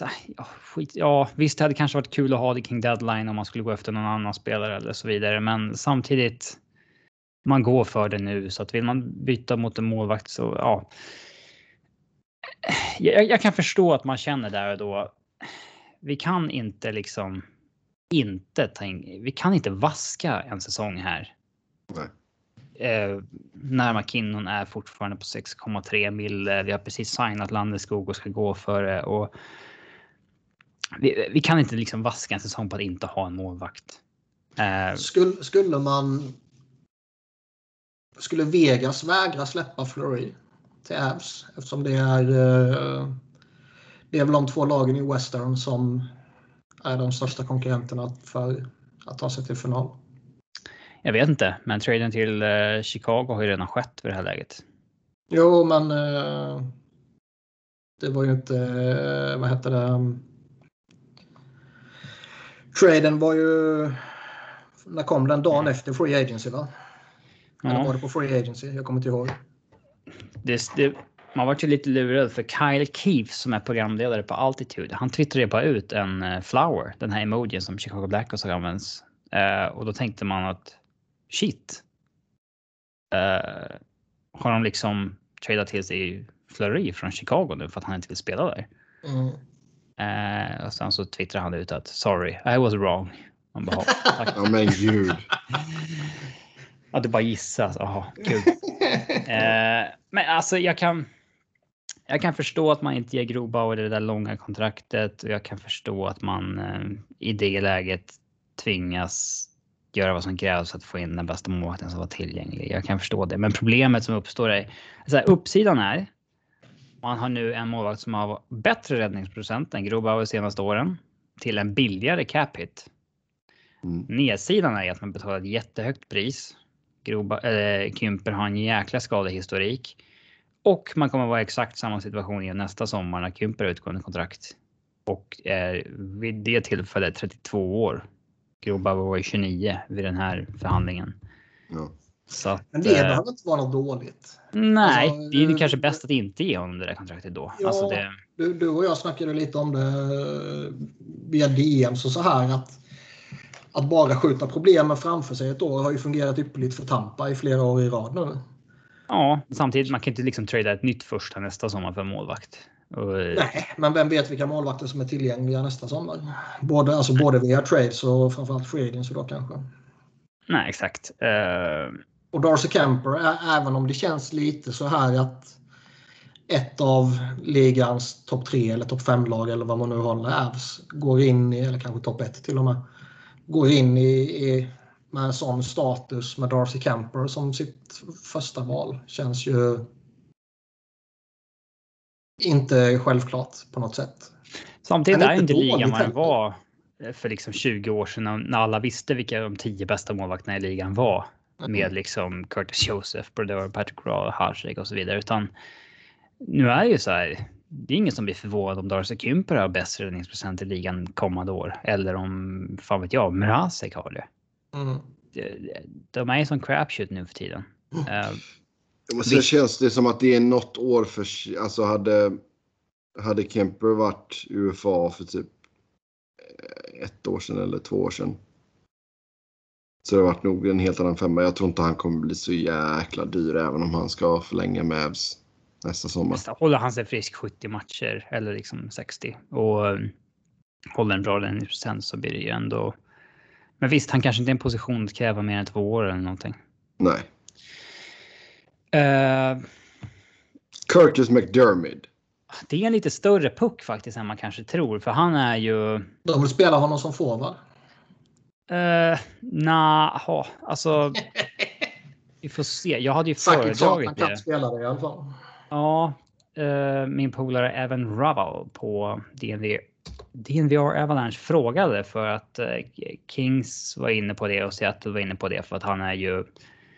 Alltså han är en goon som spelar back. Han är ju en fighter, inget annat. Har brutal. vill inte ha en sån som back alltså. Nej, eh, de var ju det en gång i tiden, ja. goonsen, men. Eh, eh, nu när man har skickat iväg både Ryan Graves och Connor Timmons så är det ju ganska. Ja, det. nu är han ju i backbesättningen liksom och Eh, när det här skedde, då undrade alla, okej, okay, varför tar Avs in en liksom face puncher som har jättedåliga eh, siffror? Vad, vad hände? Liksom, gick analyticsavdelningen på någon liksom campingtur? Och, men där verkar det ju tyvärr som att eh, de kände att de eh, inte stod upp eh, fysiskt mot Ryan Reeves och sådär i Vegas-serien och eh, svara på det här. Eh, genom att de vill ha en, en gun. Och sen, och sen försvinner Reeves. ja, men ja, visst. Eh, jag kan väl... Det är helt sjukt att man betalar ett fjärde val för att ta in en sån kille. Men samtidigt om man ska om man ska gå efter en goon, då kan man väl lika gärna ta in den bästa goonen. Eller den liksom, vad säger man? Scariest goonen som finns eh, i McDermott. Och det... Alltså bästa case scenariot här är att han spelar liksom fjärde line winger och sitter varannat byte så att någon mm. annan dubbel skiftar liksom. En bra spelare. Det är väl best case scenario för att han har ju han har brutalt dåliga siffror som, som back och har inte lyckats hålla ett jobb i liksom LA Kings backsbesättning. Han har ju varit eh, replay, alltså sjunde back där. Eh, så det, det förvånar ju ändå. Och, det, det, och Sakic sa han, han tyckte inte att laget stod upp tillräckligt mycket för varandra förra året och så där. Och problemet med att ha en sån kille. Vissa säger så här att ja, men han behöver inte vara i line-upen varje match. Det är så här, i, fast ska du nyttja det han bidrar med, då måste han ju vara i line-upen. Eh, så du, du kan, och Sakic har sagt att jo, men tanken är att han ska spela liksom. Annars hade vi inte tradat för honom. Mm. Eh, sen kanske han helt plötsligt är mycket mer effektiv som forward. Eller liksom spela 0-0 effektiv i alla fall. Och det hoppas man väl på med. Det, skakar ändå lite förtroendet för Ävs eh, ledning att de väljer att gå, eller ta ett steg i den riktningen helt enkelt. Eh, för jag trodde ju att de hade liksom medvetet valt bort den delen. Att det inte var eh, att det inte bara hade blivit så utan att de faktiskt hade gjort ett val där de eh, ta, alltså tyckte att nej, men man tjänar ingenting på den typen av spelare längre. Det är men... ändå lite, lite sådär Curtis McDermott, Darren Helm. Ja, det är två tredjedelar av en fjärde kedja. Är man så jävla taggad på det? Alltså Darren Helm var väl inte överst på min lista. Alltså man visste ju att de skulle signa någon sån här som är på ett år en miljon forward. Som ersättare för Matt Calvert eller Belmar eller någonting. Mm. Darren Helm var väl inte överst på min lista. Jag hade väl kanske Riley Nash gick ju för 750 000 till Winnipeg. Den känns mycket mer spännande tycker jag. Uh, och visst, man kan säga spela roll, det är bara en fjärde center, men har du helt plötsligt en fjärde line som liksom är asdålig. Det, det gör en jävla skillnad. Oh men jag tror väl att Darren Helm kommer väl åtminstone vara på samma nivå som Pierre-Edouard Belmar var förra året där, den ser jag väl inget liksom jätteproblem med så. Uh, han kan spela penalty kill och han kan spela höger, vänster och center så att uh, det funkar väl. Men uh, och, och så här. Alltså när man går upp. När Landeskog går upp i lön och eller framförallt när, när Ken McCall går från 900 000 till 9 mille i lön. Då Eh, då, då har du ju 9 miljoner mindre att lägga på lagbygget. Du kommer ju bli sämre. Alltså på pappret kommer inte lagbygget vara lika bra som i fjol. När du hade Cale McCarr jättebilligt. Ja. Det säger sig självt. Men man blir ändå sämre liksom lite överallt här. Och det, det oroar ju ändå. Um, jag hade hoppats att jag skulle signa någon av de här uh, Ondrej Kase gick ju för 1,25 mille till, äh, till Toronto. Ehm, eh, och, ja, jag var ju absolut inte taggad på att signa Brandon Saad för att jag tyckte att han, äh, han började se gammal ut. Han hade en säsong där han hade en väldigt hög skottprocent. Jag hade inte gett honom fem år. Eh, och visst, han signade för 4,5 i Blues. Jag, jag, hade inte matchat det kontraktet i alla fall om jag var Colorado, men de måste ju samtidigt ersätta. Man kan ersätta spelare som Matt Calvert, Belmar och så vidare. Det, det kan man ersätta internt med eh, att uppgradera AHL-spelare eller rookies och så vidare. Eh, men jag tror inte man kan ersätta både Donskoy och Brandon Saad internt. Någonting av eh, någonting utifrån måste komma in. Och där är ju mm. mitt drömalternativ Thomas Tatar fortfarande. De har ju strax över 4 miljoner capspace. Så någonting ja, dyka upp. Det är lite svårt att tolka sådär. Alltså då, det beror på vilka spelare man lyfter upp och ner i line-upen på mm. Visst, men de har ändå men, 12, 12 forwards, 7 backar, två målvakter. Sen ja. man byter ut någon, några hundratusen hit och dit. Det är kanske inte jättestor skillnad. Men de fyller ändå ut en roster med, ja. med eh, ett antal miljoner kvar på lekarna. Ja, jag tror något alltså jag tror inte de kommer låta de pengarna vara orörda. För annars hade de inte velat att, eh, eller velat, alltså de hade inte bett Arizona retaina. För det får man ju förmodligen betala extra i assetväg för. Mm. Eh, och eh, man hade förmodligen inte liksom, man sa att nej, vi kunde inte gå upp dit med Grubauer i lön för att uh, we're, we're, Sakic sa vi är uppe mot uh, lönetaket. Och det är man ju inte. Så att man måste ha någon plan för vad mer man ska skjuta in. Och eh, Pagnotta har ju sagt att man har pratat med Thomas Tatar, men det är många som har. Eh, mm. Jag hoppas väl att han... Jag hoppas på honom, för jag tror att han skulle vara ganska perfekt i en andra kedja för både Kadri och Burakovsky är ju liksom utpräglade skyttar.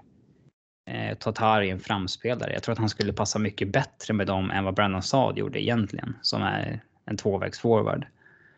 Eh, kommer han in, då känner jag i alla fall lite eh, excitement över att de förbättrar typ, laget lite grann. Blir Marcus Johansson. Ja, han kan det bli också. Ja, är han någon plan B så är väl det fine liksom. Men ehm, jag vill ändå säga att man utnyttjar det lönetaksspacet och uh, man kan inte bli sämre på varenda jävla position. Alltså man måste. Ja, för, vi får väl se om Kymper är sämre än Grobauer, men någonting måste ändå komma in som man känner att i alla fall någonting är bättre. Att ah, tredje linjen är lite bättre eller fjärde linjen är lite bättre eller sista backparet är lite bättre. Eh, för jag, jag hade hoppats på en back också, för när man släpper både Connor Timmins och Ryan Graves och ska förlita sig på att Eric Johnson ska vara frisk i år. Ah, den är tuff alltså. Jag hade, jag hade hoppats på en, en back till och man var ju sugen på Ryan Surrey, men han sen fyra år i Dallas då förstod man att det där är ju. Där har man ingen chans att vara med. Mm. Den bästa som jag kan tänka mig nu att signa, det är väl Jason Demers typ. Um, som också är en högerfattad back som kanske kan ersätta Connor Timmons och vara någon form av försäkring om Eric Johnson blir skadad igen. Uh, han borde ju kunna tänka sig komma på så ett år, en miljon. Mm. Tänker jag. Så han och Thomas Tatar är det jag hoppas på. Uh, men Landeskog då? Ja, det dröjde ju in i... Det var bara 19 minuter kvar tror jag på fönstret att signa honom på åtta år. Um, roliga var ju att Larry, eller eh, Brooks. Um, ja, Islanders eller New Rangers supporter. Eller reporter. Supporter. supporter. Uh, supporter, supporter. Uh, Larry Brooks ja, på New York Post är det va? Ja, han skrev ju typ några timmar innan att de jobbade på ett treårskontrakt på runt 6 mille. Att det var det Avs hade erbjudit. Man bara, men hörru, tror du på det själv? Liksom. Det... Så det var ju kul. Men mm. eh, man förstod väl att det skulle landa här förr eller senare, men det var väl ett game of ja, chicken, chicken race. race. Mm. Ja. Eh, och till slut fick han sitt åttonde år och eh, fick kvar honom på 7 mille och inte upp mot 8,5 och sånt där. Och det, de Lyschnins projections är att han kommer vara värd det här kontraktet i åtminstone fem år till och sen får man se. Och alltså, man får ju bara ta det. Alltså. 7 miljoner är ändå relativt prisvärt för honom. Och sen ja, får man bara tugga i sig att man får ge max term. Man ska ändå gå för det nu. Man kan inte oroa sig över år 6, 7, 8. Visst, du kan inte liksom. Man vill ju inte signa upp sig på massa kontrakt i en situation där man är där man ser att så här, shit om tre år, då är fönstret tvärstängt för då har man gjort... alltså...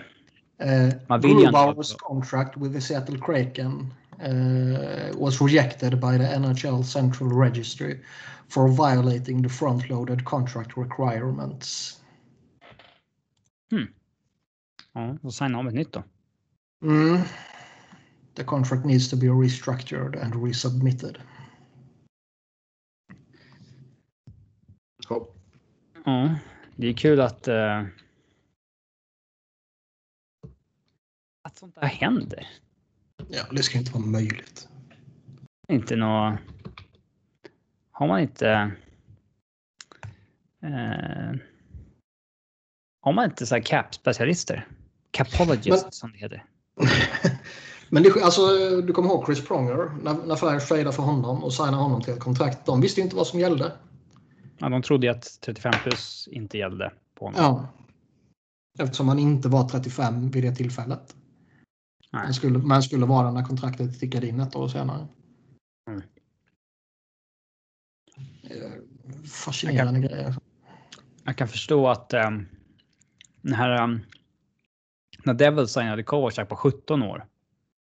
Att det rejectades för att det var liksom det gick emot the spirit of the CBA, bla bla. Men samtidigt, då var allting, det var väldigt oklart vad som gällde med de kontrakten. Mm. Skitsamma. Eh, men med Landeskog. man får ta det helt enkelt. Man ska gå för de kommande 3, 4, 5 åren och få se vad som händer efter det.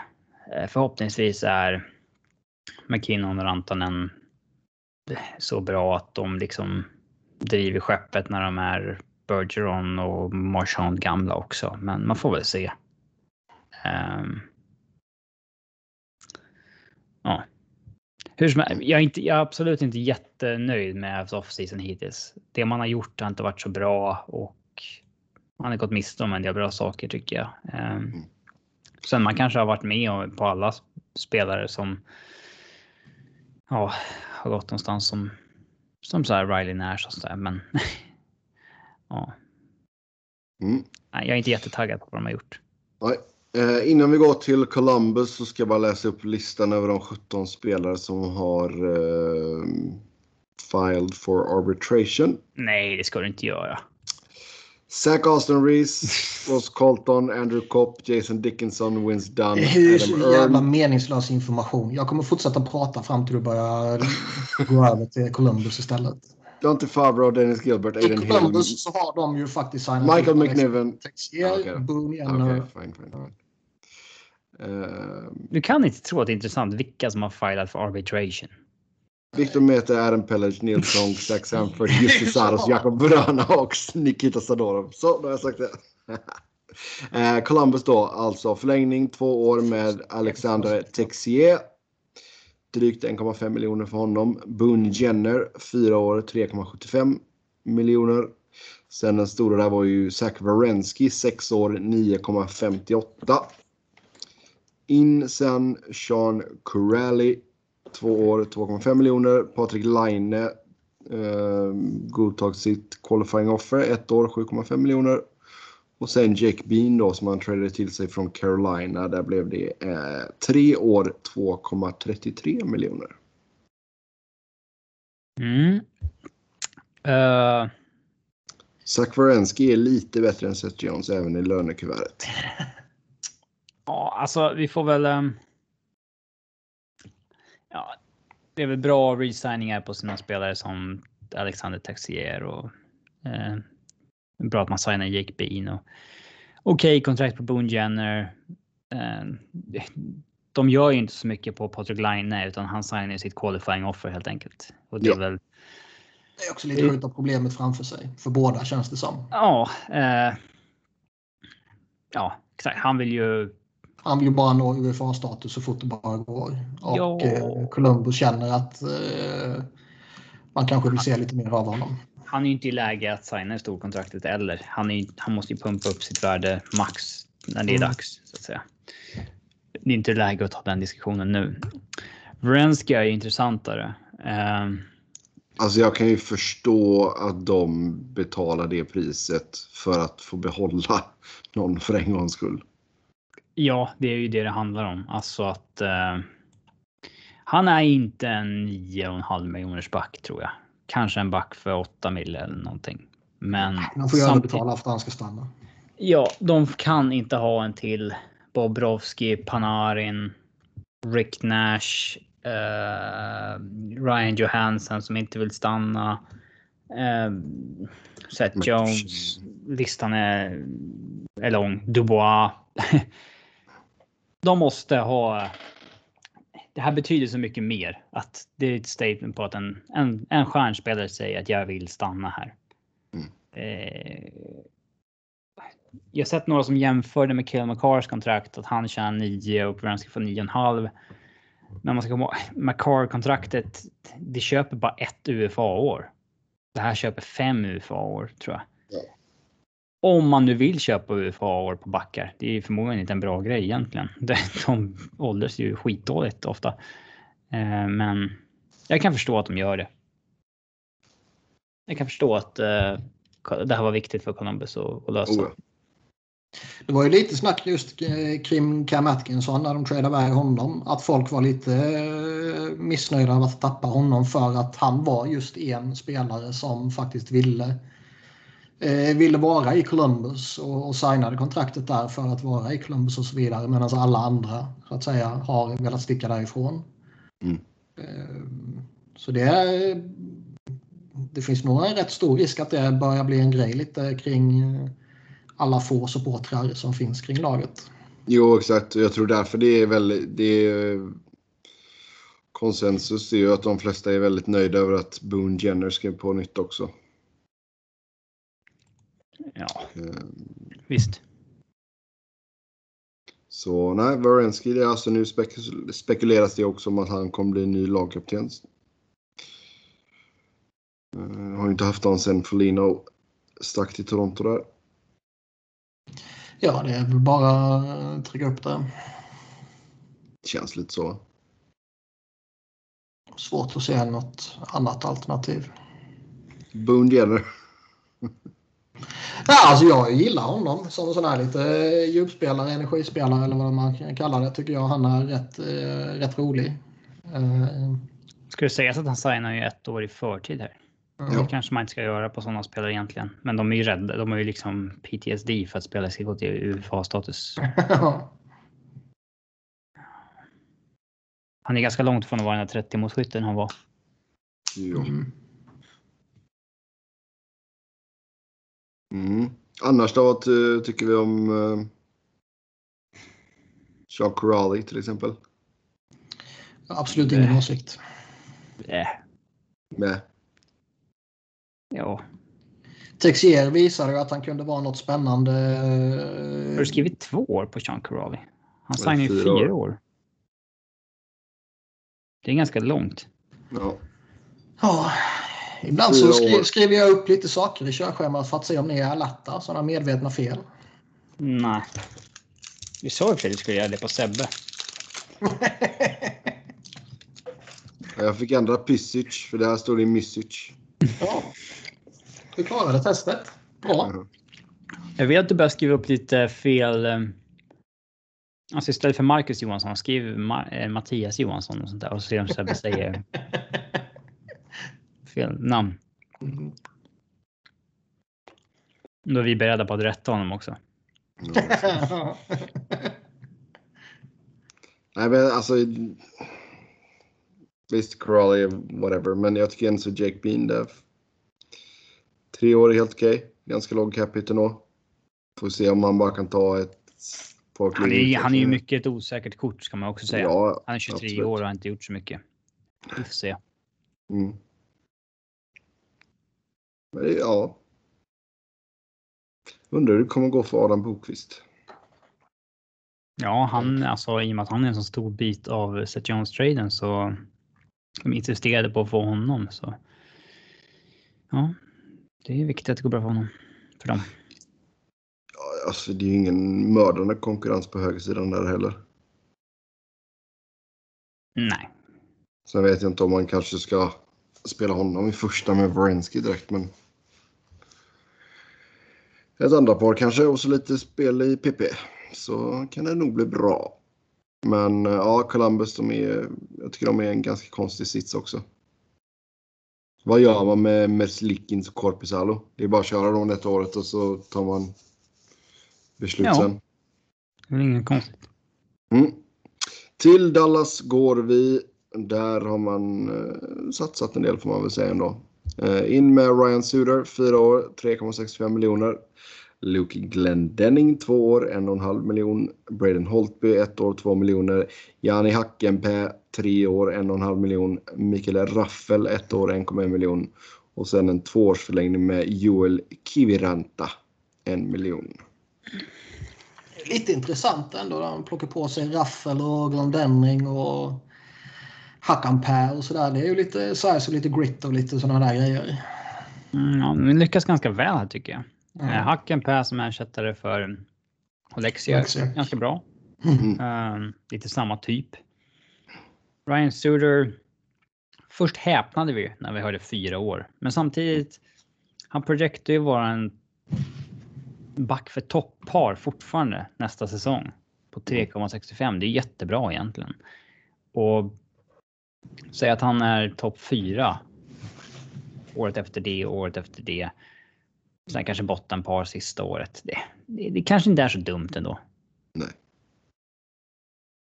Nej, man, man, är ju ändå lite skeptisk till termen. Men sen samtidigt så... Han är ju en alltså, framtida Hall of Fame-back. Det är inte den här äh, vanliga 36-åringen som... Nej, vi har ju sett när typ Steven Robbie då signade tre år när han var 36 och sånt där. Men jag tror, jag tror verkligen att alltså, det är lite talande för att det blev Dallas och att det inte blev liksom Tampa eller Colorado eller Vegas eller något sånt där. För då skulle det ju inte blivit vare sig de här pengarna eller termen. Nej. Sen är ju Dallas är ju fascinerande på, på ett sätt. Det känns som att de de får in Ryan Suter nu. De har fått in Pavelski tidigare. De fick in, vad heter han, um, Corey Perry fick de in. Liksom. De gick efter och var en av finalisterna så att säga för John Tavares. Och de var där på Erik Karlsson och verkar vara jävligt heta där. Alltså, mm. Det känns ju som att spelare vill gå dit och även om det låter lite udda att säga det. men om, även om det låter lite udda att säga det just med tanke på att de var i final nyligen. Så känns det ju inte som att det är den där självklara contenden. Och att de gick till final var ju mer en, uh, en tillfällighet eller någonting man hade räknat med. Mm. Det känns som att de har ett anseende och en, en dragningskraft som kanske är lite större än vad de borde vara. Men visst, det är säkert tror, alltså... chill som fan att bo där nere. Skatterna och skit och vad man tjänar påverkar säkert också givetvis. Jag menar de har ju ett okej okay lag också så det är inte något...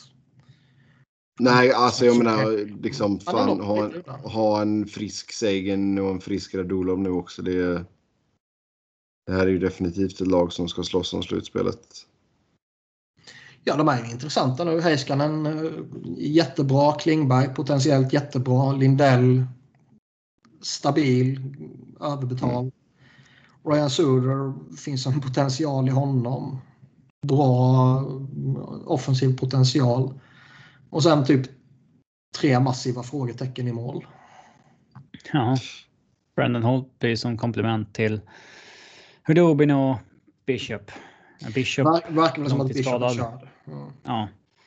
Eh, konst, alltså hans... Eh, eh, ja. Han spelade ju i bubblan där mot Colorado. Eh, ja, Bishop ja. Ja. Ja visst, vad gjorde han en match? Han kom ju tillbaks från skada. Och kunde knappt röra sig liksom. Släppte in mm. fyra mål på, på en kvart. Sen pullades han. Sen dess har han... Sen dess har vi inte sett honom. Det var som att han... Vad, vad gjorde han där då i den matchen? Ja, var han sa jag ska prova om det går och det var liksom inte nästan att det gick. eh. Nej men sen alltså var alltså Braden Holt, alltså jag tycker det var ju inte länge sedan han var ganska bra men sen två riktigt svaga säsonger bakom jag, jag tycker Holtby ja. som, som kanske ett, ett lite, lite mer tydligare backup-alternativ tycker jag det skulle vara en, en okej okay, uh, gubbe att ta in. Um, Nästan så att det inte duger som en 1B utan bara backup.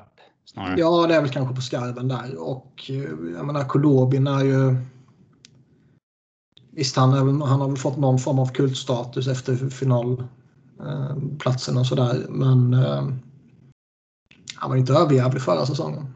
Nej.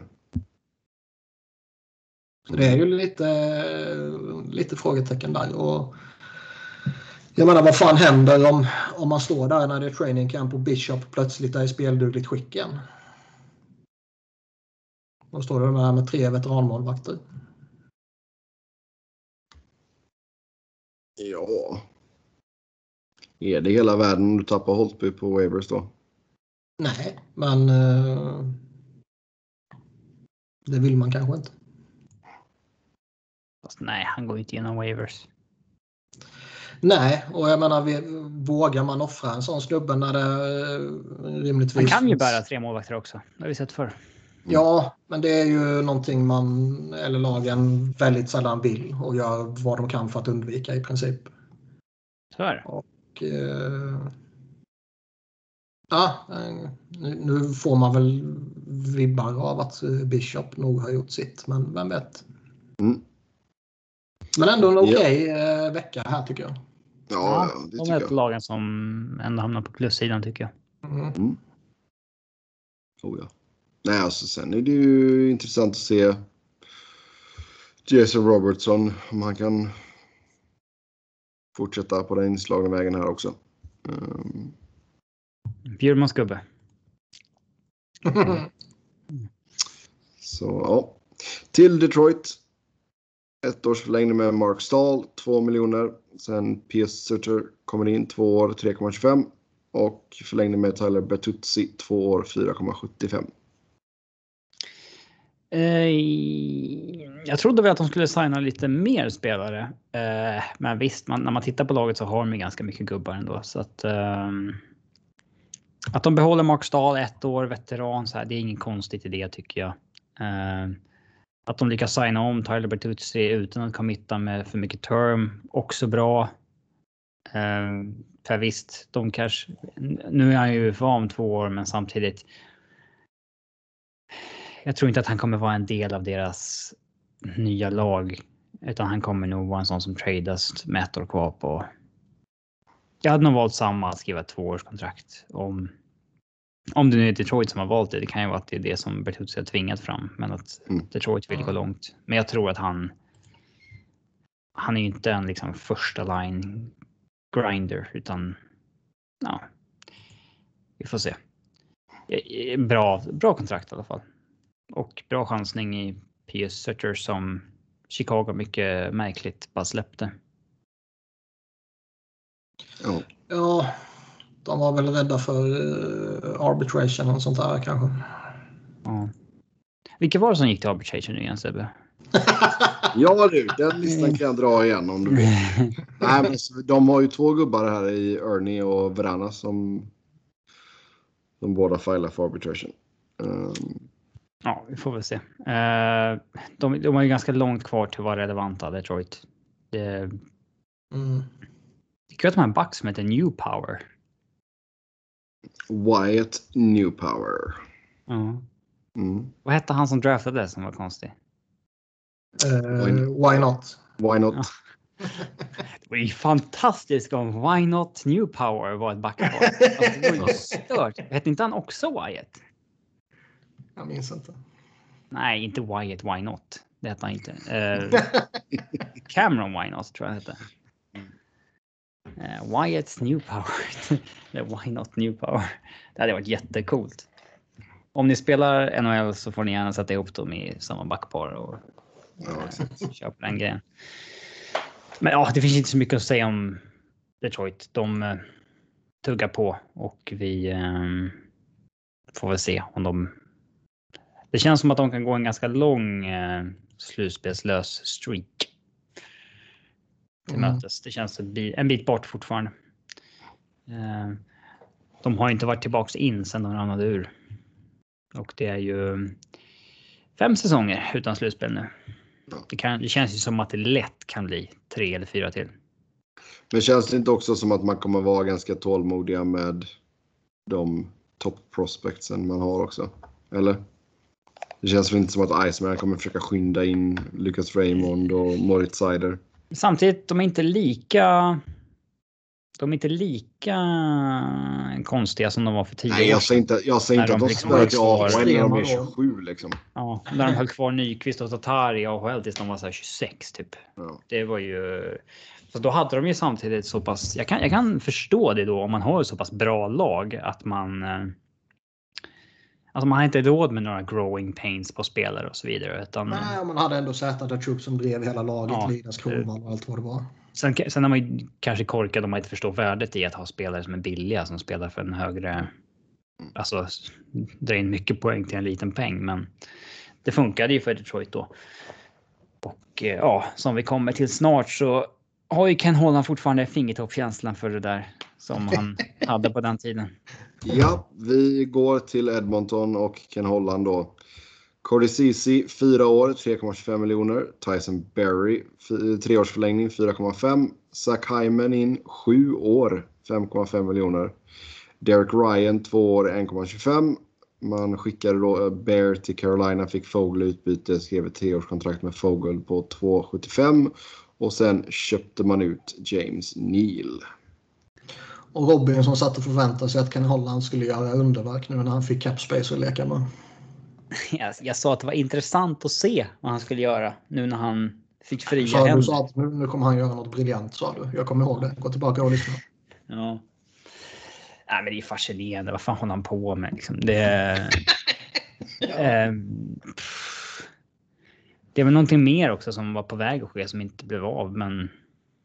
Ja. Alltså det, det vi pratade ju Kemper tidigare.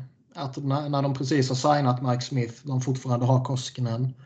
Och eh, visst, man kan ju försöka dumpa iväg Koskinen, betala någon jävel för att ta honom eller köpa ut honom. Men ändå, det känns lite märkligt ändå att signa upp Mike Smith på tvåårskontrakt och sen det första man gör är att försöka trada för en ny målvakt. Fast du kanske inte vill att du ska ha en 39-årig målvakt som står eh, merparten under matcher. Det kan jag väl köpa. Ja, men det känns ändå... Eh, alltså, fan, låt, låt Mike Smith vandra in i solnedgången och trada för Darcy Kemper då. Oh ja.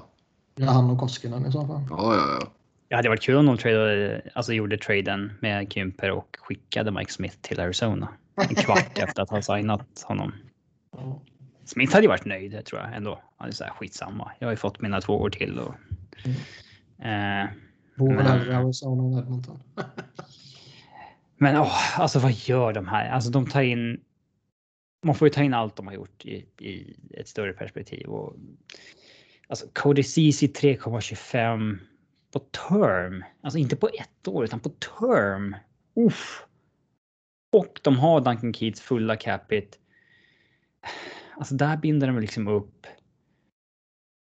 Ja, uppemot 9 millar i de två backarna. Det är helt... Men de, de måste ju fått jättepanik när Adam Larsson stack. Ja. ja. Och så går de ja, efter. Den Ingen hade ju knändrat dem för att signa Adam Larsson var fyra gånger fyra. Nej. Det hade ju varit så ja, bra gjort. Liksom. Fine. Men visst, man har väl fått lite, lite vibbar har väl kommit fram så här i efterhand att han kanske ville bort från Edmonton. Oh ja. ja. Eh, Derek Ryan. Det att förstå. ja. Derek Ryan 2 år 1,25. Det är också så här. Jag tycker inte att det är ett bra ett, avtal. Ett år, eh, fine. Ja, det är lite som när de signade Calt Hurst på två år. Liksom. Mm. Ångrar de nu. Mm. Och ja, de bettar ju hårt så in i helvete på att Zach Hyman ska vara den perfekta busselbiten bredvid Conor McDavid. Och det kanske han är. Han, kanske, han kommer funka mycket bättre än Zach Cassian i alla fall. Det, det vågar jag säga. Men... Eh... Han kommer väl också ge dem en kanske lite mer uppenbar möjlighet att splitta på McDavid, eh, Dreisaitl permanent så att säga. Helt otroligt att inte det går redan. Alltså, ja. Och sen så... Eh, Elliot Freeman sa ju här i dagarna när han snackade om Darnell Nurse Ja, just det. Det var en jävla monsterkontrakt. Jag kommer inte ihåg vad det var. Men... Man skulle inte bli förvånad om Darnell Nurse kontrakt kom in på 9 miljoner. Mm. 9! Alltså 9 miljoner! Mm. Nurse Visst, han, han, hade ju en hygglig poängskörd den här säsongen här och det känns som att eh, blir det upphypade på en kanadensisk marknad så då kan du nog fan få dina pengar. Alltså. alltså han är ju en bra back.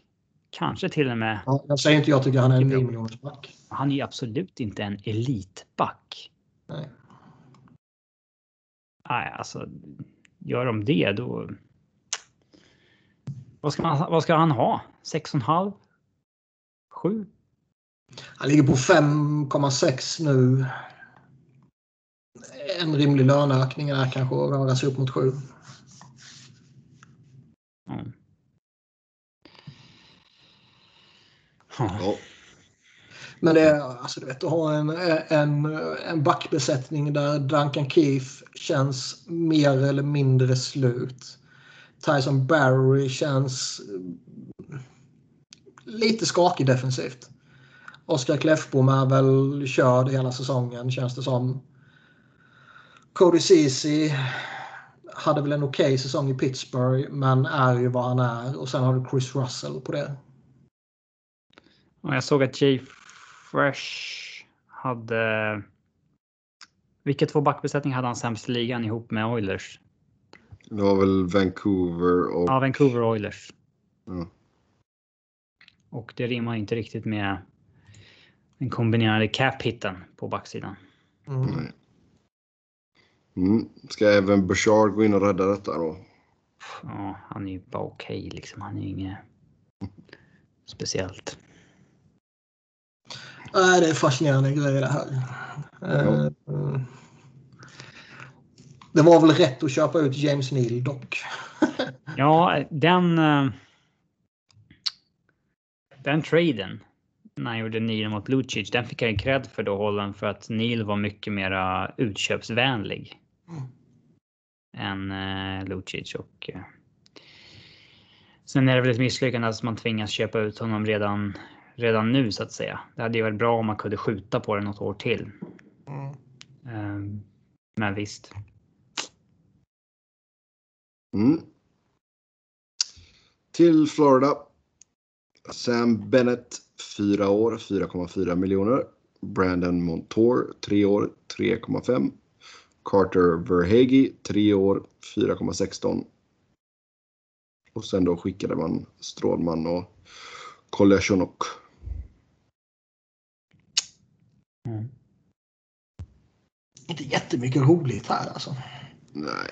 Dumpa iväg Strålman, får betala lite för det. Det var ju relativt väntat. Och sen så är det väl tre mer eller mindre rimliga förlängningar.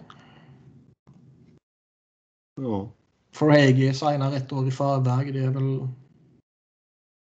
det mest anmärkningsvärda av det. Uh, annars vet jag fan inte om det finns så mycket att säga om Bennett eller Montour. Bennett hade ju eh, baserat på hans avslutning i Calgary skulle man kanske varit lite, lite skeptisk till att committa så här på honom. Men med tanke på vilken jävla dundersuccé han ändå gjorde efter traden så kanske det är oundvikligt. Jag såg att de här eh, analytikerna Jay Fresh eller vad det var sa ju att liksom baserat på hans senaste säsonger, då ska han ju tjäna kanske två mille. Mm. Får vi väl se om hans 15 poäng på 10 matcher i Florida eh, var en fluk eller inte. Och sen 5 på 5 i slutspelet. Man har ju ändå sett det där förr. Alltså jag kan ju bara minnas Peter Mueller gick till Colorado och gjorde 20 poäng på 15 matcher tror jag. Och sen eh, hade vi eh, Sven Andrighetto hade mer än en poäng per match säsongen ut när han gick till Colorado eh, en gång i tiden. Och um, det är en annan sak att göra det över tid sen. Jo, det är klart. Ja, jag förväntar mig inte att han ligger på över point per game direkt. Nej. Eh, vad ska han ligga på för att leva upp till kontraktet då? 45 poäng kanske? Ja, strax över kanske. Mm. Japp. Ja. LA. Där gick man eh, rutinerat med eh, Alexander Edler på ett år, 3,5 miljoner. Sen tog man in Philippe Daniot, 6 år, 5,5 miljoner. Och sen fick man till en ettårsförlängning med Andreas Athanasiou, 2,7 miljoner. Så greken är kvar ett år till. Det är ju mm, um, Edler på ett år, det är väl vad det är. Man behöver fylla ut med någon back såklart. Förlänga med grekerna är ju rimligt. Dano är ju det som är intressant här såklart. Och, ja. ehm, det var mycket snack. push här. Ja, det var mycket snack på förväg att Blake hade snackat med Dowdy och, och Kopitar och de hade sagt att okej, okay, nu känner vi att vi har, nu har vi varit med om den här rebuilden. Nu ska vi gå för det igen liksom. Ja, det är dags att börja växla upp. Och ja. Dano Dano, alltså visst, sex år är långt. Det köper jag. Men... Äh, han är 28. Är liksom ja, inte... alltså jag, ty jag tycker det är bra att få in en kille som kan göra att Kopitar inte behöver ta alla tuffa minuter hela tiden. Nej, det är, jätte, det är jättebra. Ja, och jag menar Deno går in som andra center nu denna säsongen i alla fall. Kanske nästa också. Sen är det väl ett hack ner till tredje. Um, Man håller sitt löfte här. Få in två topp 6 forwards i Denå och Arvidsson. Så får vi se om Denå kan leva upp till att vara en, en liksom andra center snarare än en tredje center. Mm. Men det tror... Jag tror att jag lutade åt att han inte var det förra veckan. Men... Um... Alltså två, två år, om han är andra center i två år, det har jag inga problem med. Han har ju ändå de två senaste hela säsongerna så har han ju legat kring 50 poäng och det är ju en okej nivå för en andra center tycker jag ändå. Ja. Uh, alltså är han eh, en halv poäng per match och bara gör det goda jobbet i liksom ta bort andra spelares topp eller andra lags eh, toppspelare och sådär så då är jag nöjd. Jag läste lite när, när det blev klart att de signade honom att folk var lite oförstående till det för att de att de liksom ser att okej, okay, å ena sidan så har LA Corpiter och Dowdy och de är gamla och de är jättedyra och sen är det bara en massa kids. Att, att det var för tidigt att börja gå efter spelare som Danå. Att man ska göra det om ett år eller två kanske. Och det har vi pratat om lite tidigare. Jag håller inte riktigt med om det. Jag tycker det är rätt rimligt att börja växla upp lite smått nu. Ja, jag håller helt med. Och jag menar, det, det är ändå... Man går ju inte för det brutalt heller. Man tradar inte iväg några pix och sånt där. Nej, nej, nej.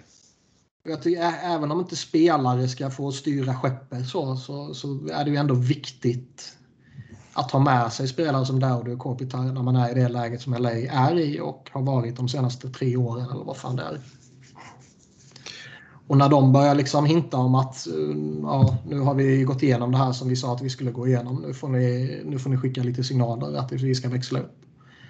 Då är det kanske rätt viktigt att lyssna på dem ändå. Ja. Vad sjukt det är med Dustin Brown egentligen. Han liksom han signar det här kontraktet som kickade in 14-15. Och ett år i förtid tror jag var han signade. Uh, hur som helst, han gjorde han liksom 27 poäng, 27 poäng, 28 poäng och han. Här var han liksom duktigt överbetald. Ett problem. Mm. Sen har han liksom på senare år blivit. Han liksom levde inte upp till kontraktet de första fyra åren, men sen har gjort det. Jävla konstigt egentligen. Oh ja. Nu är han inte ett problem alls. Nej. Nej, sen alltså mycket har väl varit Kopitas förtjänst också liksom. Um, det blir ju intressant att se hur man formerar det nu liksom. Om, om man kör en första line med Kopitar och Brown och Arvidsson kanske. Um. Vilka spelar man? Alltså Danå är ju hans, eh, hans största tillgång är ju som shutdown-center. Mm. Vilka, om, om, man vill, om man bara vill maximera den möjligheten, vilka sätter man med honom då? Ja du. Fast tanken är väl att det nog ska vara... Alltså att han ska... Han vill ju bort från att bara vara den där shutdown-killen. Jo, men han, man kan använda honom som andra center och ändå ha honom som någon form av shutdown roll för att kanske spara Kopitar lite nu när han ändå börjar komma upp i åren så smått. Jo, exakt. Ja, det är inte gott om yt ytterforwardsalternativ, men jag har inte. Jag har inte så bra koll på om Nej, alltså, är mycket bättre defensivt än eh, Adrian Kempe. Liksom. Ja. Iafallo och Kempe kanske.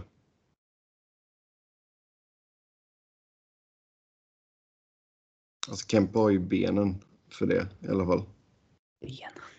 Benen? Åker snabbt? Skridskoåkningen. Ja. ja. Uh, så det här blir intressant. Men det är kul med signal att man börjar växla, växla upp lite. Det uh, blir ju intressant om man...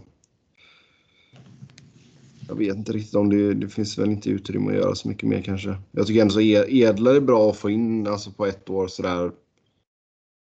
Då kan du liksom ta ner Anderson och Björnfot ett hack i, i hierarkin och behöver inte tvinga dem. För jag menar Edler kan också ta ganska tuffa minuter. Um, det kom ju lite rapporter först att det var ett tvåårskontrakt. Och det skulle väl känts sådär. Men på ett år så är det ju... Ja, nej, nej. Ett år Jättebra spelare till och med. Ja. ja.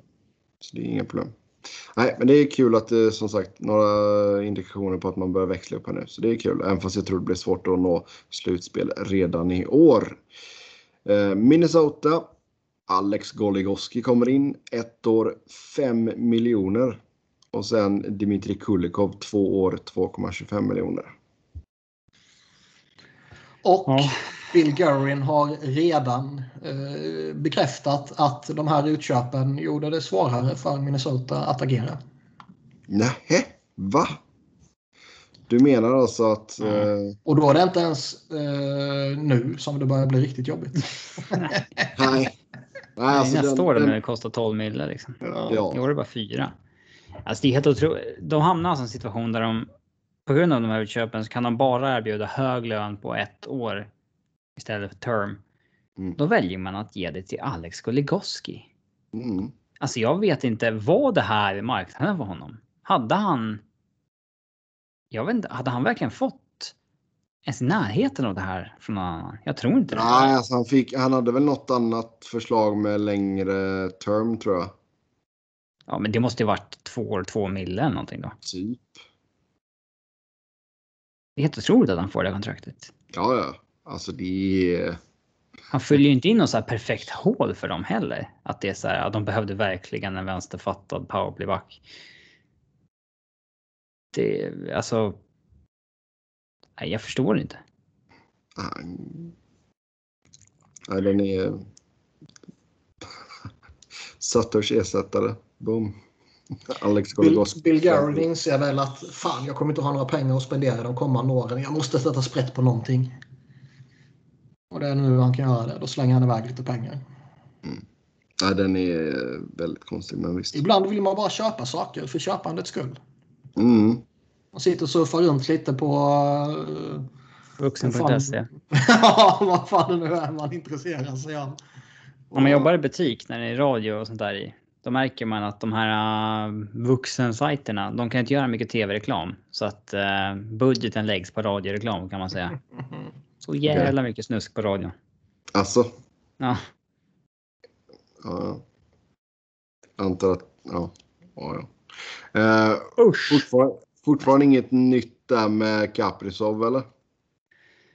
Nej. Nej.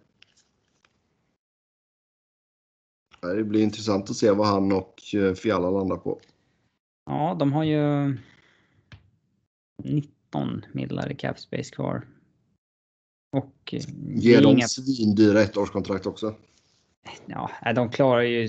De, klarar, de har ju tillräckligt för att signa de här utan problem så att säga. Men det är bra att veta om man ska göra mer vad de kommer landa på ungefär. Mm. Då behöver vi vara försiktiga eh, med term. Inte på de här två, för det kommer de ju lösa och få plats med. Men allt annat de gör eh, måste de vara försiktiga med. De får lyfta, alltså. Ja, exakt. Dyra ettår, eller liksom ettårskontrakt eller lyfta upp underifrån.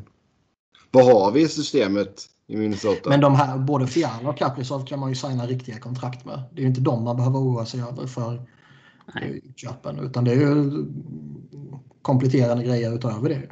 Mm. Visst, de kommer ha lite pengar som försvinner nästa år. Viktor Rask kommer ju inte få 4 miljoner igen direkt och Goligoski kommer ju inte få 5 miljoner. Men äh, ja, det, kan, eh, det kan hålla tillbaka dem. Det var konstigt beslut. Oh ja. Nej, alltså som sagt, drygt 4,8 är död cap på, eh, på Parisius Sutter denna säsongen. Sen blir det nästan 12,8 nästa säsong. Och sen blir det ännu dyrare. Så.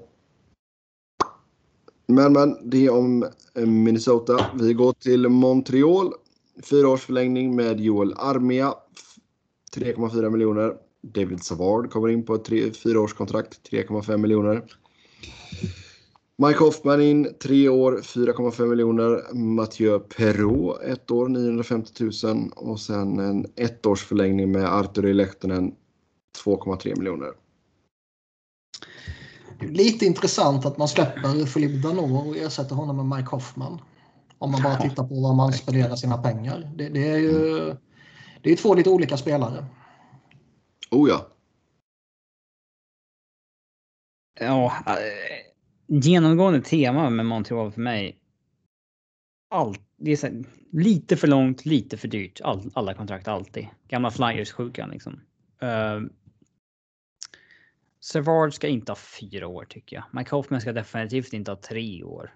Uh, Armia, det är väl ett okej kontrakt på Joel Armia. Tycker, men... Alltså Hoffman tycker jag inte. Det är ändå, visst nu var det väl lite missräkning i Blues kanske. Men det är ändå en snubbe som ja, liksom har, har ett rykte som en, som en god målskytt. Och det ryktet mm. är väl ändå relativt sanningsenligt tycker jag. Ja, fast Ja, han gör 4,5 gånger 3 tycker jag inte är eh, eh, Får vi se. konstigt på, på han, gör inte, han gör inte mycket 5 mot 5 längre. Nej, men uh, står han och pangar in lite baljor så mm. Men jag tror väl alltså du släpper... kan vara rätt användbart ändå för dem. Du släpper ju då Dano, men alltså där så känner man väl att Jake Evans går in och tar den platsen som tredje center och så har du Suzuki och Kotkaniemi i topp 6. Men det är ändå, alltså han är bra där nu. Och Kotkaniemi och Suzuki de, de, är ju jättebra liksom. Och de kommer ju bli ännu bättre rimligtvis. Men det är ändå en, en förlust som är hyfsat anmärkningsvärd.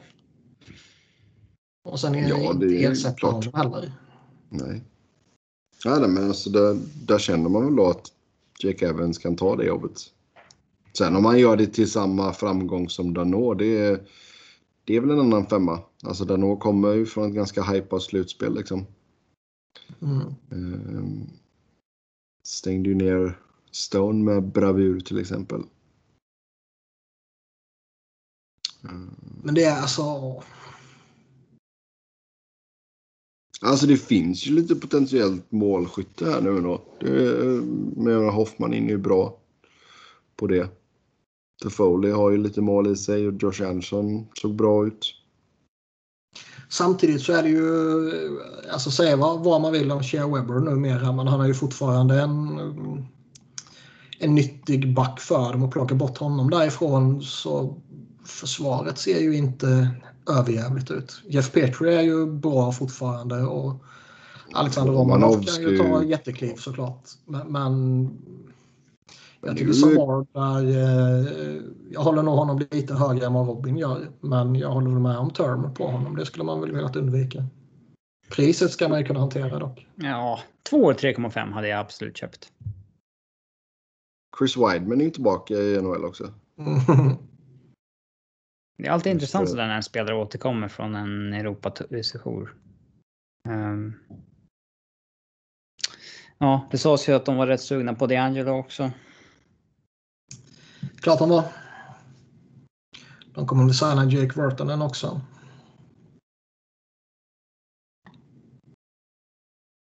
Mm. Mm. Nashville David Rittic ett år 1,25 miljoner. Sen fyra års förlängning med Mikael Granlund 5 miljoner. Det är ju fascinerande att Granlund får det kontraktet efter att ha tacklat av så mycket. Det där... Eh... Ja, framförallt i laget som har sett honom också. Mm. Ibland kan man ju ha lite större förståelse för att lag som Alltså gå efter honom på Free Agency för att man tittar på vad han har gjort över tid och sådana där grejer och så är man lite desperata och sen så pungar man upp ett kontrakt och hela det köret. Men har man sett honom på nära håll så... Han signade ju ett år med Nashville. Mm. Uh, bevisade sig själv igen. Lyckades inte. Får då ett långt kontrakt. What's up with that? What's up with that? What's up with that? Ja, David Poyle är kanske eh, på målrakan så att säga.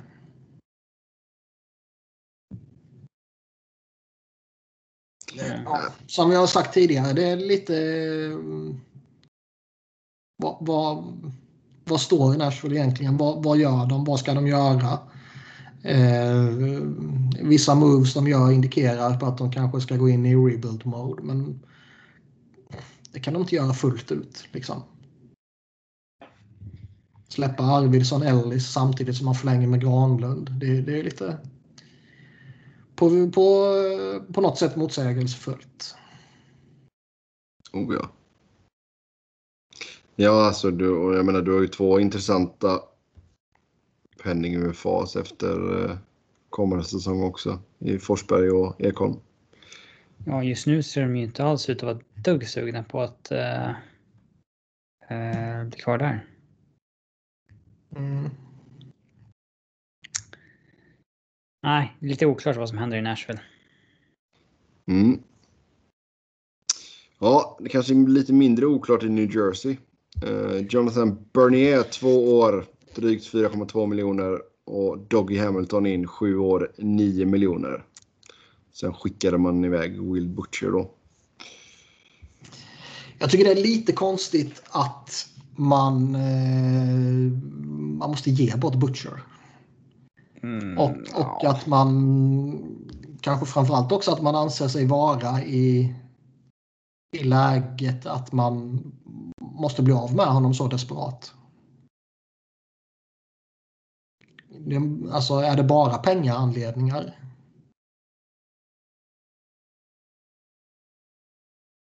Jag vet inte. Men det är alltså Bernier är ju en väldigt stabil målvakt. Han har varit bra i Detroit när de har varit eh, skräp här mot slutet. Det är, eh, tror jag, en bra värvning för dem. Ja, så sitta på honom och eh, Blackwood. Ja, och liksom även om det kanske uh, strax över 4 miljoner kanske är i, i dyraste laget för honom. Men det är helt irrelevant för dem. De har all jävla utrymme i världen. Och... Eh, ja, de har ju Black, Blackwood på 2,8 bara. Ja, men jag menar även i, i det stora liksom. Eh, Doggy Hamilton är ju jättespännande såklart. För det första är det ju helt absurt att han överhuvudtaget går till New Jersey. Och beror det på att inget annat lag tyckte att han är en 9 miljoners back eller beror det på att inget annat lag eh, eh, vad säger man, liksom anser att han är den spelare man plockar in för att boosta ditt lag så extremt. Även om man kanske tycker att han är en 7,5 eller 8 miljoners back. Liksom. Så kan man ju ändå tycka att han det är Seth Jones vi ska ha. Eller det är Rasmus Ristolainen vi ska ha. Eller det är... Nej men alltså Hamilton det är ju en, leg det är en legitim första back. Mm. Ja, det, alltså det är en toppback i ligan. Och ja. eh, en sån spelare ska inte hamna i det skräplaget som New Jersey har varit de senaste åren. Men jag menar, det är ju, det är en bra jäkla satsning av Devils att få in honom. Alltså det är ju det är en viktig jäkla byggsten. Alltså. Sen har du ett år kvar med Subban bara. Alltså du har en sån fin högersida nu med Hamilton, Severson och Subban. Ja, Ty Smith kan lira till höger också. Ja. Men visst, de har ju boostat lite. Ta in, ta in de två och sen Ryan Graves på det. Det är ju bra. Mm. Mm. Och, eh, Nej, jag tycker alltså backuppsättningen ser riktigt bra ut. De blir ju lite desperata på målvaktssidan när de betalar så där mycket för Bernier. Mm. Uh, det var lite that's per year känsla på ja, det kontraktet. Sam, sam, samtidigt så är det väl. Uh, de, de, är väl också i ett läge där de behöver plussa på lite för att attrahera spelare. Mm. Och en sån som Bernier. De har ju capspace också. Det är inte så att de är... Nej, det var jag menade lite tidigare. Men en sån som Bernier också. Alltså vill, vill han vara en uttalad starter så fanns det inte jättemånga jobbtillfällen för honom. Nej. Och då kanske man hugger. Du får lite mer än vad du skulle fått någon annanstans och du får starta. Sen att det är ett jävla skitlag. Eh, men han kanske tycker om att få många puckar på sig. Men som sagt, här finns det ju en... Han ära till alla jävla museum på Manhattan. Mm. Han kanske kan lära Bernier någonting om, eh, Nelson Mandela eller sådär. ja. Doggy Hamilton. Fan, det är smärtsamt om ni inte har sett det. Så googla på Jonathan Bernier och Nelson Mandela. Och så... En tidlös klassiker. det är väl någon form av... Var det när Mandela hade dött eller var det bara någon allmän Nelson Mandela Day grej som några spelare från... Var det när han var i Colorado? Var? Nej, Toronto tror jag. Ja, och det, han får frågan från en reporter. Han får ju frågan om Nelson Mandela från någon reporter. Mm. Vad han tyckte om honom. Och vet ju uppenbarligen inte alls vem Nelson Mandela är utan börjar prata om honom som en great athlete och att han var good on and off the ice och så vidare. Det är smärtsamt. Ja, just det. Just det. det. Det är smärtsamt som fan. Googla upp det. Fan, sjukt att inte veta vem det är. Även om amerikaner och nordamerikaner så där kan vara extremt hemmablinda. Ja, man kan väl googla ett namn om man ska iväg på någon Nelson Mandela Day. Ja. Vad är det för figur? Mm. Ser man, jaha, det är han som var med i Shawshank Redemption. Så. Men som sagt, Devils gott om utrymme kvar i lönebudgeten. Man ska väl eh, läsa nytt med Janne Kokkanen och Egor Sharangovic. De har väl rimligtvis en intern eh, budget att förhålla sig till. De vill väl inte maxspendera direkt. Nej, men det behövs ju in några forwards till. Mm. Men de tar ett jäkla steg i rätt riktning för att bli competitive här. Eh, Devils, det gör de ju. Mm. Kom ihåg Ja, verkligen. Alltså det här är ju någon form av statement man gör. Bästa de kunde göra. Liksom. Ja. Första keeper och en första back in. Mm. Ja. Och en bra eh, topp 4 i Graves. Ja, absolut. Ja. Vi eh, hoppar över New York Islanders va? Ja, det var inget nytt. Ja, vi, ja, men, nej, vi hoppar väl över dem för att de är New York Islanders. Va? Ja. vi går på New York Rangers. Ja, Patrik Nemeth in på tre år, 2,5 miljoner. Filip Schüttel får två nya år, 2,3 miljoner. Sen tradar man till sig Ryan Reeves från Vegas i utbyte mot ett tredjerumsval 2022. Och sen då en eh, förlängning på Reeves kontrakt med ett år, 1,75 miljoner. Man, eh, man tänkte ju när, Drury, när Chris Drury tog över, han gjorde lite så små smarta grejer i början, att han kan nog vara en ganska vettig GM. Så har han ju liksom totalt gone off the rails här i sommar. Um, ehm, Bushnevich-traden där man bara ger bort honom av oklara anledningar. Kontraktet till Barkley Goodrow. Och nu trada för Ryan Reeves som något sorts svar på Tom Wilson-problemet. Mm. Uh, Jag skulle alla dagar i veckan vaska en third rounder för Ryan Reeves. Bara av den anledningen. Jag tror absolut inte att det finns någon som helst eh, sån här deterrent effekt. Den, den eh, det snacket tror jag bara är skitsnack. Däremot, som, som ren, ren hämnd, att när Tom Wilson oundvikligen hittar på jävelskap, för det kommer han göra, för ligan tar inte han på allvar. De tar inte det problemet som finns i ligan på allvar. Det en, och det har de visat supertydligt. Det enda som då kvarstår att göra för lagen är ju att försöka skydda sig själva. Och en third rounder har ju så jävla eh, liten betydelse i vad man kan få ut av det i draften. Vaska den, få in Ryan Reeves och så har du någon jävel som du kan eh, använda för att sänka Tom Wilson när han hittar på något jävelskap. För det kommer han göra. Det är bara en tidsfråga när han kommer göra det. Och om det innebär att Ryan Reeves då får fem, sex matchers avstängning. Det är helt irrelevant. Jag skulle inte tveka en sekund för att ge upp ett pick. Skulle du slänga upp en förlängning ett år i förtid också? Absolut inte. Absolut inte. Kanske man skulle varit liksom 27 eller någonting, men nu är snubben 34. Det är inte så att det är omöjligt att signa om honom om ett år. Alltså det är, eh, man tar in Jared Tenordi också som har en historik med Tom Wilson. Mm. Den är ju... Känns ju inte slumpartat. Det gör det ju inte. Bara slänga ut båda två mot Wilson samtidigt. Mm. Ja, Sen eh, Patrik Nemeth, tre år på 2,5 miljoner. Det är ju bra deal tycker jag. Det är vad han är. Det är någonstans där han ska tjäna.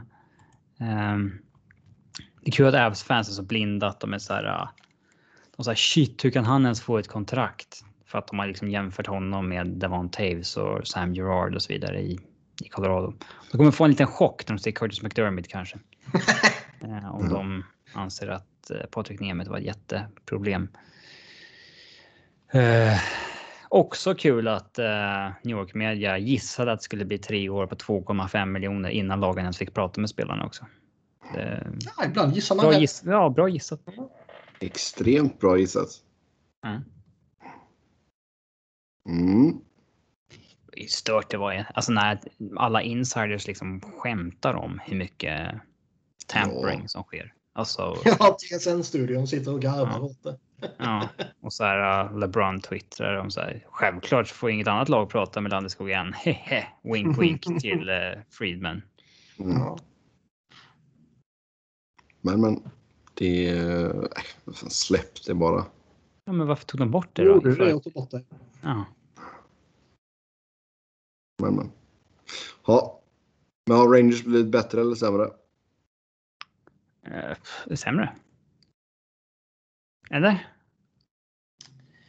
De förbättrar djupet lite grann de, med Nemet och sådär. Alltså det var det som var jag för mig, vi pratade eller nämnde det förra avsnittet här, att det är det som jag tror, jag tror det var Larry Brooks som skrev någonting och jag vet inte riktigt, jag läste inte jättenoggrant för man läser inte Larry Brooks jättenoggrant. Men eh, jag minns inte om det var hans egen åsikt eller om det var liksom indikationer han hade fått från klubben så att säga att de kände att eh, vi måste förbättra djupet och då måste vi offra topp 6-talang för att få in bottom 6-talang. Eh, ur den aspekten så har de ju försämrat sig. Just med Bushnevich och hela den grejen. Men... Eh, Man kan ju inte säga att eh, Reeves förbättrar djupet, men Goodrow gör ju det. Mm.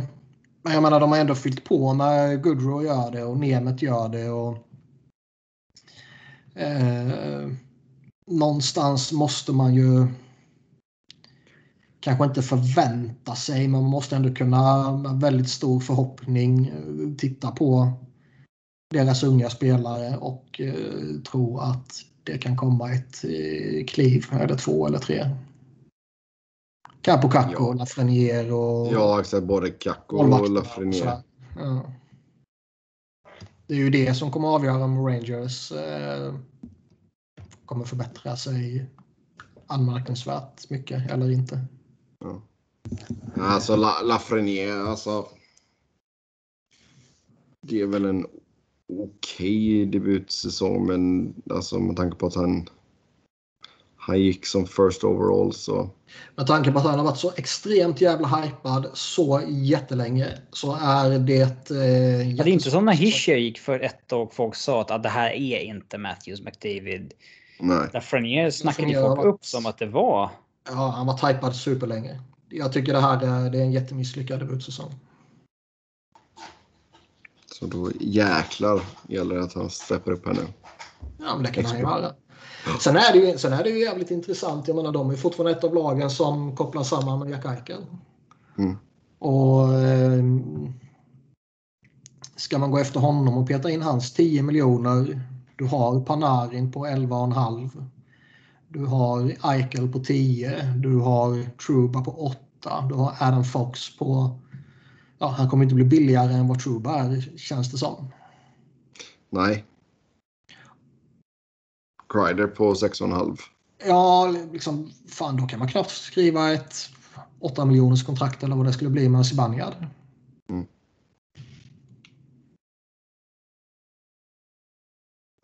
Nej, det är sant. Jag, jag, tycker ändå eh, Rangers är, eh, de är spännande inför framtiden. Frågan är ju liksom vad de här unga spelarna gör till kommande säsong och det kommer avgöra om de blir eh, ett relevant slutspelslag kommande säsong eller om de kommer vara och bubbla lite omkring eh, mm. och sannolikt hamna utanför. Men det var väl vad var det för projections jag såg där av Advanced Stats? Flyers etta. Ja, Rangers tvåa typ. Mm, samma poäng, men Flyers ja. etta på good looks. Ja. Ja, ja. Lafreniere 30 baljor säger vi då. Ehm, I så fall. Ottawa. Michael Del Sotto, två år, två mille. Ehm, och sen eh, fick man in eh, Nick Holden och ett tredje rundsval 2022 i utbyte från Vegas då när man skickar Dadonov. Ja, den är lite lite weird trade att uh, Vegas vill ta Dadonovs kontrakt och till och med betala för det. Mm. Jag trodde att han hade negativ value.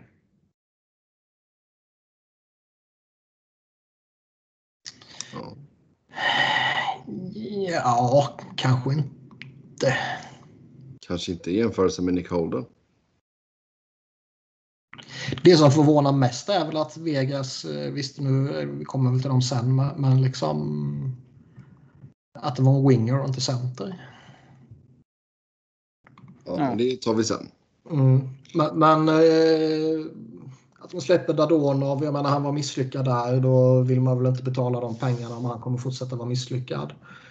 Eh, Michael Del Soto har ju det kändes ju som att han var lite på glid på väg bort från ligan. För... Den här porrskandalen och det. Jag funderar på om man skulle pinga in Lisa Ann när han signade det kontraktet. Mm. Men sen avstod jag. Mm. Men, men, eh, det kändes som att han var lite... Dig. På... Ja. Okej, jag får poddens konto i och för sig. Det har vi helt andra anledningar. Undrar om hon kan tänka sig att vara med i podden och diskutera Michael Lozano. Mm, jag kan messa henne. Men... Eh, nej, men, nej, jag tycker han... på väg bort från ligan så där för ett par, tre år sedan. Även när han hade överlevt den här eh, inom air quotes skandalen. Mm. Eh, så... Um, man, man han har inte... tagit liga genom att harva runt i lite sådana här sämre lag nu. Man hade ju inte gissat att snubben inte har gjort en enda eh Ja, han gjorde några AHL-matcher 10-11, men han, han hade gissat att han var nere och gjorde lite AHL-matcher de här perioderna, men han har inte varit det. Mm. Bara 31, 31 år, han känns äldre. Mm. Vet ni vem som känns äldre än han är? Nej. Sam Gagné i uh, Detroit som signade som, det hade vi inte med i schemat, men han är bara 31. Det känns helt mm. sjukt att den snubben bara är 31. Mm. Han har ju varit med. Han var typ 36, 37. Han har varit med ja. länge. Otroligt länge. Nej, det känns ju som att han var 31 den säsongen Columbus tog in honom och spelade honom i fjärde linen, men i powerplay så han gjorde 50 poäng. Mm. Då känns det som att han var 31. Nej, helt sant. Men ja, ganska tyst från Ottawa ändå. Uh, men nu har man... Håller på Ottawa ska jag gå på toa Basilej. Okej. Okay. Man har ju... Uh, man ska ju signa Victor Mät också. Man har en jäkla massa backar i alla fall. Eh, ja, sen kommer väl inte alla vara, vara uppe kanske. Får, får man Erik Brännström en ordentlig chans snart eller? Jag vet fan vad, vad som händer med honom. Alltså han... Eh, han vart ju, vad heter det? Eh, vad, vad, vad, heter, vad, vad, säger man? Han var ju liksom he, hela grejen i traden. Det var ju han som var pusselbiten så att säga. Mm. Första åren där. Och eh, känns som att liksom, han har inte riktigt fått chansen och när han, Dana Berg släppt upp honom då har det liksom inte tagit fart på, på något riktigt sätt sådär. Och, liksom, fan, Johan Garpenlöv visste knappt ens vem det var när han fick någon fråga om honom. Alltså,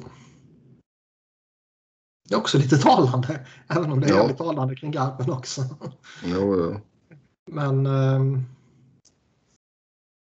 jag vet inte. Han kanske blir förstörd i den jävla kaosorganisationen bara. Han är fortfarande bara 21.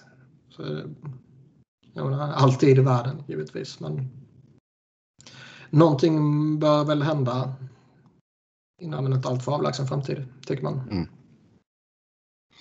Ja. Pontus Åberg skrev du inte upp heller. Vad skulle du göra det för? Jag också tillbaka. Ja, och? och. Och. Aj jävlar.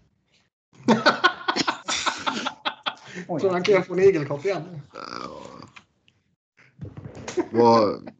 Ja, något jäkla djur har ju säkert smugit sig in. Nej, jag sparkade baton i tröskeln. Ja, okay. Det var inte lika roligt som att trampa på en igelkott. Ja. Mm. Ja, har ni kommit in på flyers eller?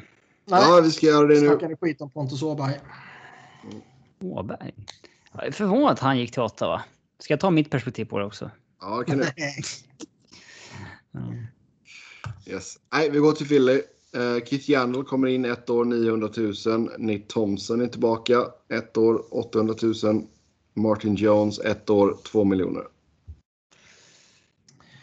Jag kan stå ut med precis allting Flyers har gjort. Jag kan stå ut med alla priser man har betalat, alla kontrakt man har delat ut, allting förutom Nate Thompson. Skön snittålder ändå på gubben man tar in. Att han inte är en, en new guy. Han är en kille ni redan har provat. Ja, och framförallt så... Eh, jag, jag har absolut ingen koll på hur han har gjort i, i Winnipeg i gångna säsongen. Däremot läste jag lite kort bara att han tydligen ska ha haft okej okay, typ 5 mot 5 siffror och sådär i, i Winnipeg. Kanske han har haft, ingen jävla aning. Men eh, med tanke på hur han användes och överanvändes senast han var här så har jag noll förtroende för att det inte kommer ske igen. Mm. Han går in som eh, andra center här nu. Nej, men liksom, han var ju fjärde center då. Men du vet, så fort det var en viktig situation så var det han som spelade. Så fort det skulle dödas eh, en minut i, i liksom slutet på matchen med uddamålsledningen, då var det han. Så fort man hade gjort mål eller släppt in mål, då var det han. För att, ja. Vad har han för teckningssiffror egentligen? Eh, skitsamma, det är helt jävla irrelevant. Man är så jävla usel på isen som man är. Sen att han verkar vara en schysst snubbe, men liksom... Honom som coach då. Mm. Men det, det gör mig fan irriterad. För uh, just med tanke på... Man, man, det var så jävla tydligt hur han överanvändes och nästan var liksom deras go-to-guy i, i slutspelet där när uh, nyckelsituationer, defensiva nyckelsituationer. Sådär. När man ändå har, liksom, du har Kevin Hayes, du har Sean Couturier, du har Claude Drew, du har liksom många andra mer användbara spelare. Men så är det den jävlen du slänger ut. Mm.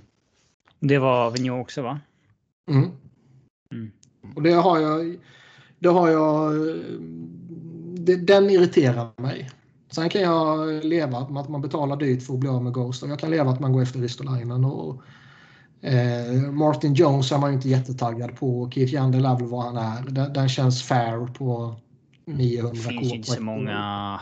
Alltså så här, ja, Martin Jones eller Braden Holtby eller whatever. Alltså, alltså förmodligen. Jag, jag tror mycket väl att eh, om man tittar på eh, den jag satt och hoppades på var ju typ Bernier. Det tror jag skulle varit eh, en, en, en riktigt bra värvning. Fast men Flyers, nej inte på den pengen. Det hade inte Flyers någon möjlighet att göra eh, sett till lönetaket. Och liksom Mrazek var ju aldrig aktuellt med tanke på vad han har gjort i att ja, han var i Flyers och, och det funkade liksom inte. Nej. I synnerhet inte med tanke på vad han fick kontrakt också. Och sen så jag läste någonting om att Holtby han ville stanna kvar i, i Western och då är väl han kanske bortgallrad. Eh, någon målvakt till. Hallack eh, skulle man väl varit intresserad av. Han, han har ändå varit, han har varit okay. jättebra, till och med som backup senaste åren. Men jag menar, han fick 3 miljoner om han når upp alla sina bonusar. Den miljonen kanske var för mycket också. Mm. Eh, Martin Jones är, det är lite intressant för Martin Jones när han kom fram i LA och när han var eh, på riktigt där och då. Mm. Så var ju Flyers nuvarande målvaktstränare i LA. Kim Dillabar. Mm. Det är det vi säger, Philadelphia Kings. ja. Och eh, de har ju en relation sedan tidigare. De har jobbat sedan tidigare. Jones är ju en... Uh... Han har ju haft uh, två bra säsonger i Kings, tre bra mm. säsonger i Sharks, sen haft tre dåliga säsonger i Sharks. Mm. Uh, Martin Jones är någon form av reclamation project ju. Han har ju ändå varit en bra målvakt tidigare. Sen kanske ja. han bara hamnade i en situation och så bara gick det ur kontroll i, i Shark mot slutet. Och, ja ett utköp kanske kan skaka liv i honom och så kommer han till en, till en snubbe som har funkat bra med honom tidigare och sen så har man kanske en, en duglig backup eller ett bil. Kan, kan ju vara bra att komma att inte ha det där stora kontraktet på sina axlar längre. Eller mm. att börja om. Mm. Ja, absolut. Mm. Ja, när, man, när man tittar, eh, alltså det, jag skulle ju hellre haft något bättre än Martin Jones på, sådär som kompletterar Carter Hart. Men eh, när man tittar på hur det blev på marknaden och vad som fanns tillgängligt och vad de fick och sådär så då tycker jag inte det är jättekonstigt att man står där med Martin Jones ändå. Mm. Och som sagt, det finns någonting där, det har han ändå visat tidigare. Sen om det har försvunnit eller om man kan gräva fram det, det får framtiden utvisa. Oavsett vilket så um, Flyers liksom kommande säsong kommer avgöras av hur Carter Hart spelar.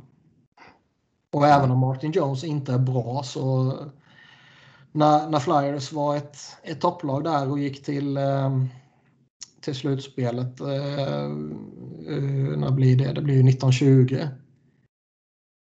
Cart var jättebra. Brian Elliott var absolut inte anmärkningsvärd. Och han spelade ändå 30 matcher. 30-ish matcher. Så du kan ju om, om din första målvakt eh, gör sitt så att säga så kan du ändå hantera en, en backup som eh, inte är mer än duglig så att säga. Mm. Så jag tycker ändå allting avgörs med, med vad Carter Hart kommer att göra. Mm. Det blir kul med Keith Yandel också. Jag tycker den är okej. Okay. Eh, man får in honom på ett pris klart under marknadsvärdet. Han, alltså, han hade ju rimligtvis större kontrakt där ute liksom. Det är... Eh, alltså är det någonting man kan säga om alla de här gubbarna som Flyers har tagit in, eh, Ryan Ellis, Ristolainen, Atkinson, Jandel, så är det ju att alla verkar vara bra, bra dudes att ha i omklädningsrummet. Det är ju bra personligheter, det är bra ledare och allt sådär. Och det har varit mycket, mycket snack om det. Och han faller inom den kategorin. Han verkar vara en, en jävla prankster och polare med Kevin Hayes och så här. Så, ja. Ja, skön kille, men ni kommer ju bli gråhåriga av turnovers och grejer. Jo, men det blir vi av alla backar vi haft tidigare ändå. Så. men jag menar, där kanske man har eh, eh, Alltså det finns ju någon form av PP-potential i honom. Oh ja. Och han kommer jättebilligt. Visst, han fick en no trade-klausul, men det kanske man får kompensera med för att han kom som under miljonen. Då. Mm. Eh, det som fascinerar allra mest är ju att eh, han kommer ju få sin Ironman-streak bruten. För att Alain Vigneault kommer spela eh, det måste ju ske förr eller senare. Till Nate Prosser, liksom. Det är klart att den blir bruten förr eller senare. Och så är det. Och det kommer bli så jävla mycket uppmärksamhet och det kommer bli så jävla mycket kontroversiellt när, när han petas för typ Sam Ran eller Cam York eller vad det nu skulle kunna vara. Liksom. Och, eh, den, den ah. uppmärksamheten skulle man ju vilja bara undvika. Det kan ju bli distraherande på lite olika sätt. Den, den skulle i alla fall brytas i Florida om man säger så det, det, det, får ju inte mig att inte vilja ha honom. Men det skulle varit skönt att inte ha det över sig så att säga. Jag tycker ju Gandalf känns som en lite konstig fit ändå. Ska han spela PP? Det, för annars tar man väl inte in honom? Jag vet inte. Jag tror alltså det som brände Chuck Fletcher förra säsongen var ju att han bettade på att kidsen skulle ta kliv. Man tappade Niskanen där och så hittar man inte riktigt någon ersättare trots att man enligt initierade eh, journalister då ska ha arbetat jävligt hårt för att hitta någon, någon ersättare så misslyckades man och då sa man nej vi, vi bettar på kidsen. Eh, och sen blev man ju bränd. Det var Nolan Patrick, han var pissusel. Travis Connectney, han eh, var inte så jävla het. Då hade vi Ob Bell, han var mer eller mindre usel. Man hade oflyt med Morgan Frost när han blev skadad. Phil Myers var en flopp. Även Ivan Provorov var ett misslyckande. Travis Sunahan var ett misslyckande och så vidare. Den enda av de unga som eh, tog kliv framåt det var ju Joel Faraby. Och eh, det känns ju lite som att han kanske Fletcher då kanske inte överkompenserar, det är väl kanske fel ord att använda, men liksom se till så att man inte ska hamna i en sits som den kommande säsong. För eh, de flesta av oss hade nog innan man plockade upp Jandel räknat med att Cam York hade sjätteplatsen. Och det kanske han tar. Han kanske går in på kampen och är överjävlig och så får han platsen. Men det kanske är ingenting som man vågar bara ta för givet efter att ha blivit bränd på det sättet man blev förra året. Så det är väl det som är fitten så att säga. Mm. Då tar vi och rör oss vidare till Pittsburgh. Ehm, Brock McGinn in 4 år 2,75 miljoner. Danton Heinen in 1 år 1,1 miljon. Det varit något snack om att Pittsburgh ska ha snackat Milan Lucic med Calgary. mm. Klart de har. eh, nej, men det finns ju inget spännande i Pittsburgh egentligen. Det, Nej, McKinney... De har inget utrymme att göra någonting och ja. Alltså McKinn är väl solid. Men, men liksom Långt har man... Vad sa du?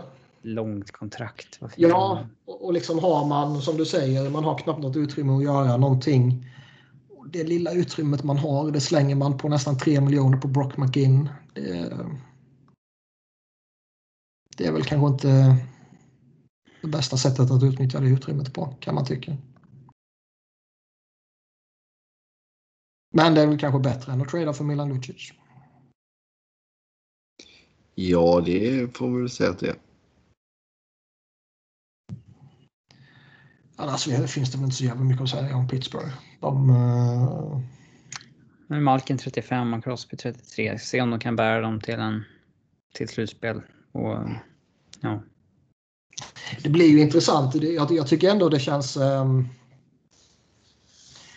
Metropolitan känns ju tämligen vidöppen kommande säsong. Du har Carolina, du har eh, Caps som rimligtvis borde vara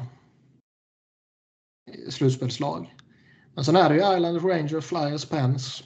Alla de fyra kan ju gå till slutspel. Och det är ju spännande att se vad som händer om Penguins är eh, laget som står utanför med relativt stor marginal inför trade deadline och se vad som händer med Letang, Malkin. Som båda två är pending UFAs. Ingen mm. snack om att förlänga dem redan nu, eller hur? Va? Jag har inte sett någonting. Nej, inte jag heller. Nej. Och sen, alltså, det... de, har även, de har även Brian Rust som är pending UFA, Jeff Carter pending UFA. Det finns ju några eh, användbara spelare om man skulle hamna i en sån situation. För mm. att trada då. Ja. Det hade varit lite intressant. Jag tänker kunna boosta upp laget med Malkin inför ett slutspel. Mm. Ja, vi får väl se vad som händer där i Pittsburgh. Men nu går vi till eh, San Jose. In Nick Bonino, två år, två mille. Andrew Cogliano, ett år, en mille. James Reimer, två år, 2,25 mille. Och så Martin Jones utköpt då. Det är ju... Ja, det har hänt lite annat kring Sharks också. Nyligen. Ja, den, vi kan ta detta först. alltså, ja. De är ju lite svåra. Eh, San Jose tycker jag ändå att eh, de har eh, relativt veterantungt på sina ställen och sen har de några sådana här eh, Mayer, Hertel, Labong och sådana som är i något sorts mittenskikt om man pratar åldersskikt så att säga. Och sen så tar man den målvaktsuppställningen. Den, den målvaktsuppställningen signalerar ju inte direkt att nu jävlar ska vi se till att Karlsson och Burns och Vlasic och Couture och allt vad de heter ska göra oss till relevant slutspelslag igen. Eller så kanske de blev så jävla skraja av Martin Jones fiaskot att de inte vågar committa till någon målvakt. De var ju bara tvungna att skaka om på målvaktssidan. Ja, men nog känns det som att de skulle kunna hitta något bättre. Ja, ja visst, kanske. Jag vet inte. Aiden Hill, James Reimer, det är väl... Nej, jag vet inte om jag tycker att de har misslyckats något kopiöst där. Nej, kanske inte kopiöst.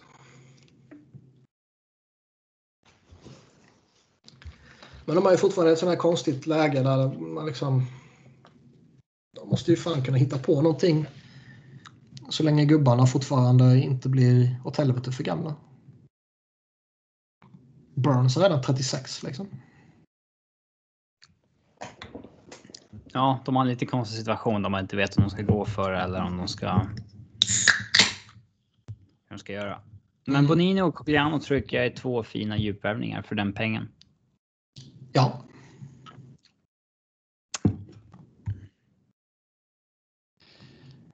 Ja, ska vi ta lite av Evander Kane också då eller? Vad har han gjort? Alltså. Det... Alltså. mm, alltså vi får ju ta en hel hink med salt här. Alltså, man, vi har ingen aning om vad som är sant eller inte i detta läget. Han har Men, ju varit i... Måste gissa. Vi ska slå fast vad som har hänt här nu. Nej. Avslöjar vad som har hänt.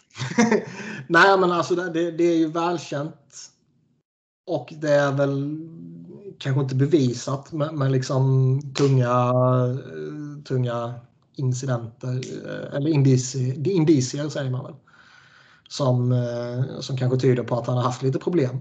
Det har ju varit mycket snack här i en längre tid om eh, alla pengar han har förlorat på med gambling och lite sånt här. Mm. Och nu börjar det svingas rejält från hans eh, fru som snart är hans eh, före detta fru. Som, eh, de har en unge och de har en unge på väg. Och där hon har svingat eh, rätt hårt mot honom på Instagram tror jag där. Och eh, mer eller mindre anklagat, eller mer eller mindre, hon har anklagat honom för att betta på sina egna matcher. Och throw egna matcher. Alltså ja. torska dem med flit. Ja, ja. Och att han är en usel pappa och så vidare. Men det är ju inte... Det, ja, det är inte lika intressant att snacka om. Nej, det kan han väl vara. Och om det stämmer det som hon har eh, sagt så är det ju en förkastlig jävla människa. Men... Uh... Ja, han har ju släppt ett statement där han förnekar både att han ska vara en dålig pappa och att han har gamblat på sina egna matcher och så vidare. Men uh, det har skett så mycket skit med Evander Kane de senaste tio åren att det är ganska mycket som tyder på att han inte är någon kanonkill i alla fall. Ja. Uh, men alltså rent uh, spelmässigt kommer han ifrån en av sina bättre säsonger. Ja, det säger väl dock ingenting. Liksom. Det kan ju antingen säga allting eller ingenting. Antingen kan det ge indikationer på att eh, ja, det är klart att man inte har uh, torskat matcher med flit när man har varit så bra. Eller så är det den perfekta kamouflaget. Hur torskar man en match med flit som ytterforward? Ja, ja, ja. Man eh, delar inkomsten med Martin Jones. Nej, jag vet inte. Men, men, eh, där, känns, där känns det ju som att det inte är sant i alla fall. Alltså det, ja, det kan ju vara... Eh, man kan, ja, vad kan man betta på? Utvisningsminuter och allt sånt där. Liksom, så. Ja, jag tror inte man kan det i NHL på samma, eller i USA på samma sätt som vi kan. Men... Uh, Nej, jag är osäker. Det är på väg att legaliseras allt mer där. Hur Vad som är intressant dock är ju att det tog en halv dag. Sen kommunicerade ligan att det här ska vi eh, undersöka jättenoga. Vi ska gå till botten med det här. Och eh, sätt det i relation till hur villiga de är att undersöka situationen i Chicago. Ja. Då ska man säga att de gör ju absolut inget fel här. Nej. Alltså, alltså det, det, det, det står väl i regelverket att du inte får betta på en match va? Mm. Ja, det är klart som fan. Och det, jag har ju kommit fram att han har gjort det. Då eh, har han väl inget val utan att eh, permanent stänga av honom från ligan. Jag vet inte om sånt är... Eh, är det... Alltså, jag vet inte Anses det vara så pass grovt är... att det kan bli fängelsesnack och sånt där? Ja, det är väl ett federal crime så att säga om man har... Om det kommer fram att han ska throw matcher så att säga. Eh, förlorat med flit. Mm. Ja, fast det kanske är svårt att bevisa i och för sig. Men om, ja. om man kan ja, Det ser man väl på vilka bets han har lagt. Om man har lagt bets på att de ska förlora. Då... Ja. Men hur som helst så Uh, ja, en del tyckte, jag har sett en del som skriver så här, det är väl inget problem att man bettar på att ens eget lag ska vinna matcher. Och där tycker jag att alltså, det är bättre om det bara inte tillåts alls. Att man skapar massa gråzoner på vad som får bettas på inte. Nej. Någon, det var någon, jag läste något konto som hade typ räknat ut att skulle han bettat på att San Jose skulle vinna matcherna så skulle han gått minus denna säsongen. Ja, det är väl ganska rimligt i och med att de torskar så mycket. Men, eh, Ja, och det går väl i linje med hans övriga bets kanske i och med att han inte verkar vara så bra på att gambla. Mm. Um, och sen är ju gambling, det är en uh, disease, och eller det är ju liksom en sjukdom och sådär. Uh, och det är en del som säger ja, men nu måste erbjuda honom hjälp. Det tror jag absolut att de redan har gjort när det kom fram. Ja, det har ju hon, det har hon kommenterat också att du, du går bara till counseling och så vidare för att uh, de tvingar dig. Ja, eh, ja alltså. Det, det, blir ju bara offentligt när en spelare tackar ja till NHL, alltså det här hjälpprogrammet som Bobby ja, Ryan gjorde. Eh, program eller vad det heter. Ja. Alla som har koksat och säger nej till att göra det programmet, det kommer inte ut vilka som har sagt nej. Mm. Det, det kommer bara ut vilka som sagt ja. Och där har jag garanterat att det erbjuds hjälp i samband med konkursen och sånt där. Alltså sin personliga konkurs när han ja, ja. ja gick i konkurs. Uh, ja. Men ja, lite stökig situation för Vander Kane. Ja. Känsligt för ligan också eftersom de har uh, stora avtal med bettingföretag eller vad det heter lite, på lite olika ställen. Yes. Jag tycker så här, alltså, jag vet inte vilken straffsats som finns i, i regelverket redan, men om det kommer ut att en spelare har bettat på egna matcher, på, då, då tycker jag att man inte ska få spela mer i ligan resten av sitt liv. Mm. För det måste absolut vara 100% nolltolerans mot liksom, hela sportens integritet äventyras ju. Ja, herregud. Jo, men som sagt, alltså, du ska inte få betta på en eh, hockey överhuvudtaget. Nej, alltså och det kan liksom påverka marknaden i och med att du har inside information om vilka spelare som kanske är skadade och inte. Eh, så att eh, nej, det ska du inte få göra. Nej. Precis som det påverkar när eh, man ser att i Premier League att Andy Robertson tar ut Sadio Mané i sitt fantasylag. Eh, dagen innan match, då vet man okej, okay, han kanske inte spelar imorgon. ja. Eh, Yes, men vi går till Seattle då. Um, Vad fan håller de på med? Ja du, de har gett Alexander Wennberg ett treårskontrakt, 4,5 miljoner. Jaden Swartz ett femårskontrakt, 5,5 miljoner. Philip Grubauer, 6 år, 5,9 miljoner. Sen skickade man då Curtis McDermott till Colorado, fick ett fjärde rundsval 2023 och man skickade tillbaka Vitek Vanecek till Washington och fick ett andra rundsval 2023.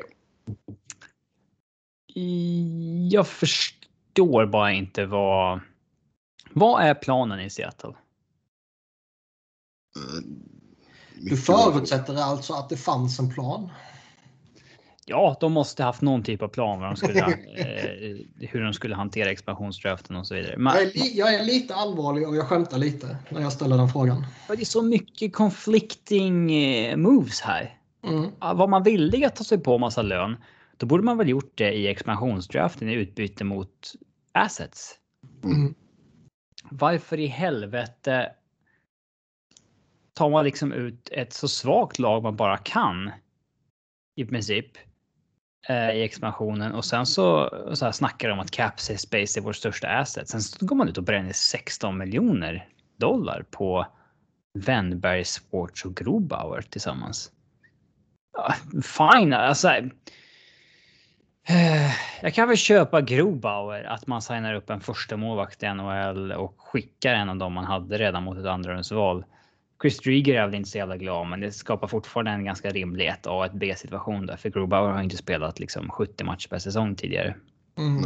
Eh, men femårskontrakt till liksom 30-åriga Jaden Swartz. Va?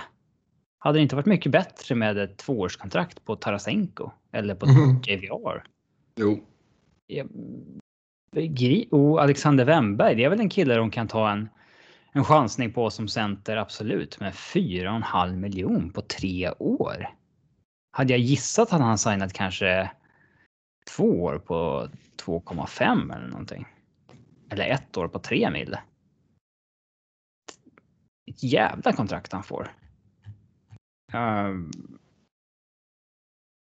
Ja, det är svårt att förhålla sig till dem. Och eh, som ja, jag sa, som jag sa när de anställde Dave Hackstall, det här är en jävla skitorganisation.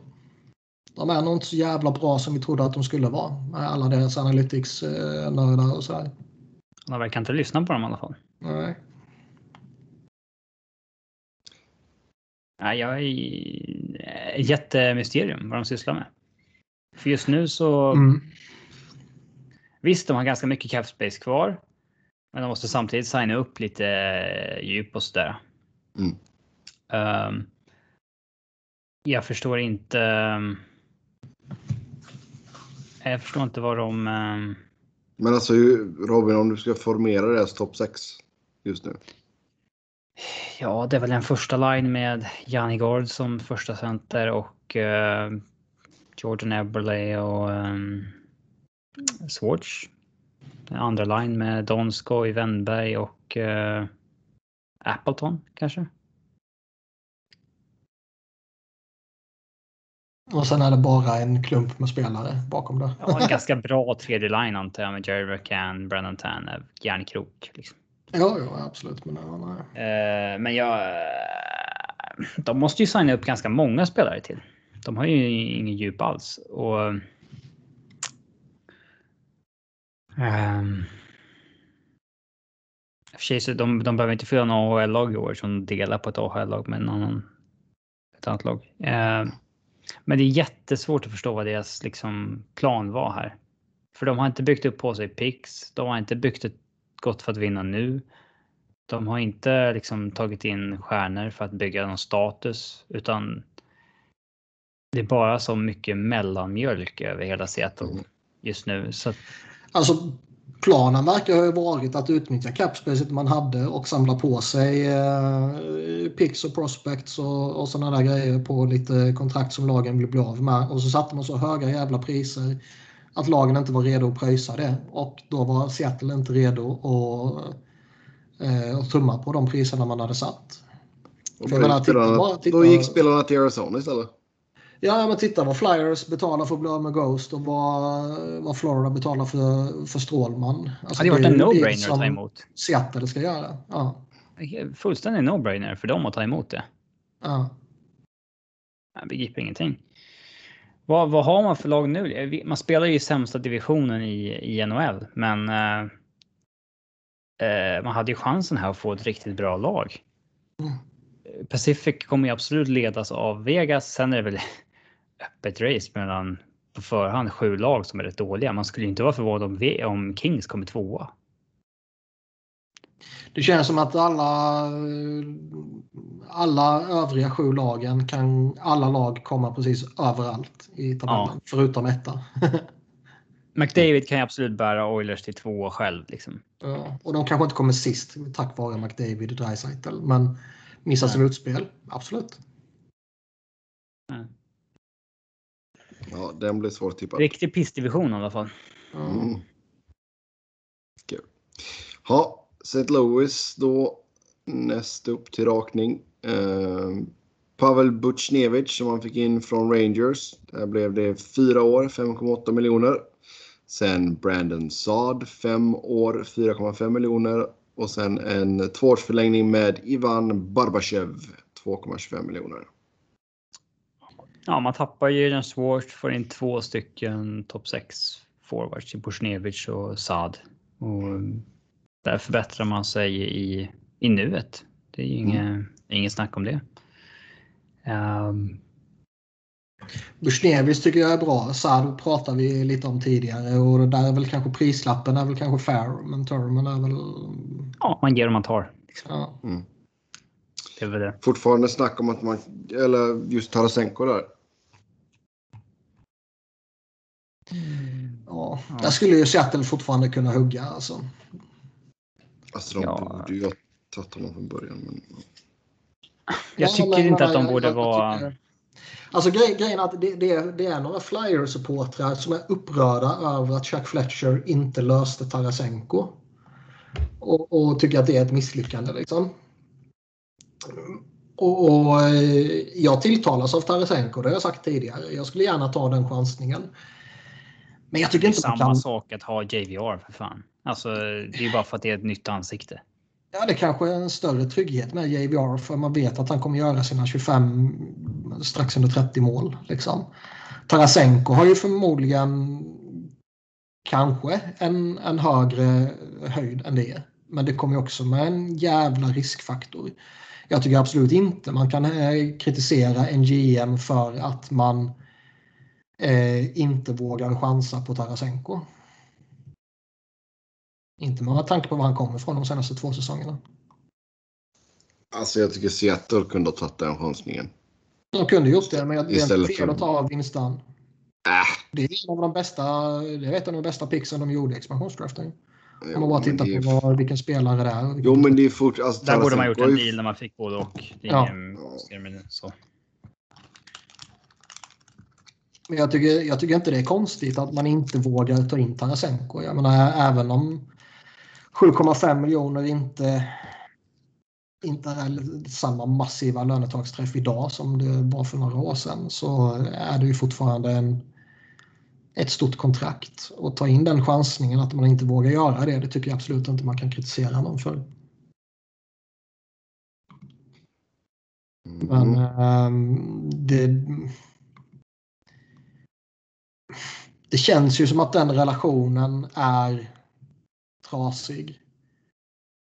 Det skulle vara konstigt om han går tillbaka till blues och bara spelar på som att ingenting har hänt. Det är samma sak med, med Buffalo och Jack Eichel. Det känns som att man har kommit så pass långt att man, eh, man behöver skiljas åt. Det skulle vara lite awkward om man inte gör det. Och visst, Seattle kan ju fortfarande hugga. Det är ju bara att uh, fylla ut, som sagt.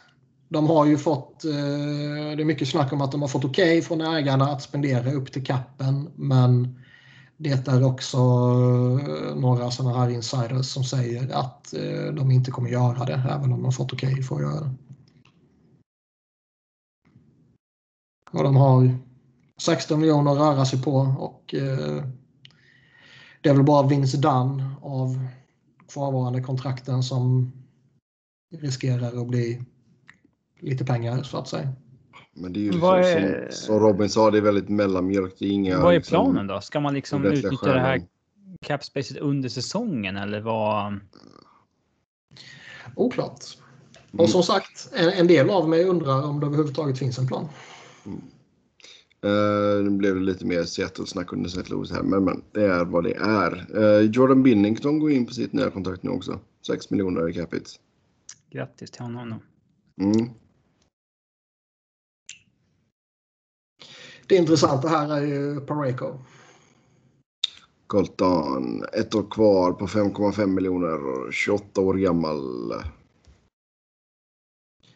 Jag tycker han är eh, väldigt spännande fortfarande även om hans eh, gångna säsong här var, var vad den var. Men eh, det är ju ändå ett, ett hyggligt stort beslut man har framför sig vad man ska göra med honom. Man har ändå committat rätt hårt på både Tory Krug och Justin Falk. Och eh, det kändes ju som att när man släppte Peter Angelo där så att man gav laget, eller i alla fall försvaret kanske man snarare ska säga, till Pareko. Ja, den kan fan bli tuff att läsa va? Alltså han ska väl ha lite mer än vad de två har. Mm. Och eh, tre så dyra backar på så långt kontrakt när det inte direkt är tre stycken Hall of Famers. Det kanske är svårhanterligt. Ja, jo, så han hinner fylla 29 eh, under säsongens gång här också. Mm. Så då skulle du ha för Kruger 30, Falker 29. De två har sex år kvar. Ja. Mm. Annars är det ju inte ett lag när man tittar på, eh, på rosten sådär som man skräms jättemycket av. Alltså. Visst, de har ju några bra spelare i, eh, sådär givetvis, men jag vet inte. Det är svårt att säga vad man tycker om dem. De kan lika gärna bli ett slutspelslag. Som sagt, vi pratade lite central innan, men rätt vidöppet där också. Alltså. Mm. Ja, då går vi till eh, regerande mästarna Tampa Bay. Pierre-Edouard Bellemare, två år, en miljon. Brian Elliott, ett år, 900 000. Zach Bogosian fick tre år, 850 000. Braden Point, åtta år, 9,5 miljoner. Och in kommer också Corey Perry på två år, en mille. Och så skickade man då Tyler Johnson och ett draftval till Chicago för Brent Seabrooks kontrakt.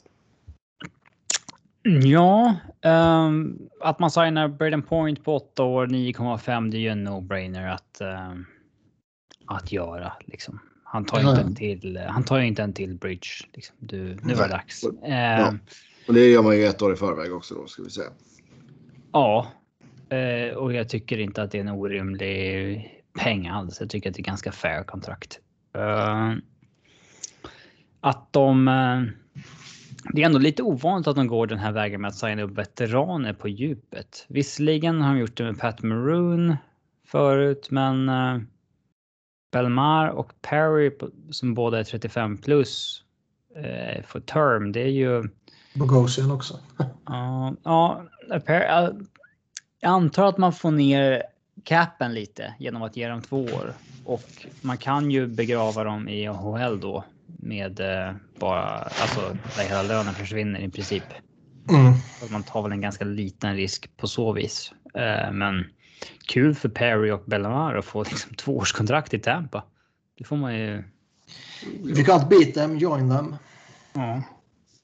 Och allmänt imponerande av Belmar att han kom över till NHL så sent och håller på att klämma ut eh, en otroligt lång Redan 500 matcher alltså. Ja. Och ja, nu har han tagit sikte på 150 matcher till. Liksom. Det, det trodde man inte när Flyers tog över honom när han var 29 bast. Det är ju hatten av. Eh, speciellt i och med att han liksom har. Han var ju en målskytt i, i svensk hockey och absolut.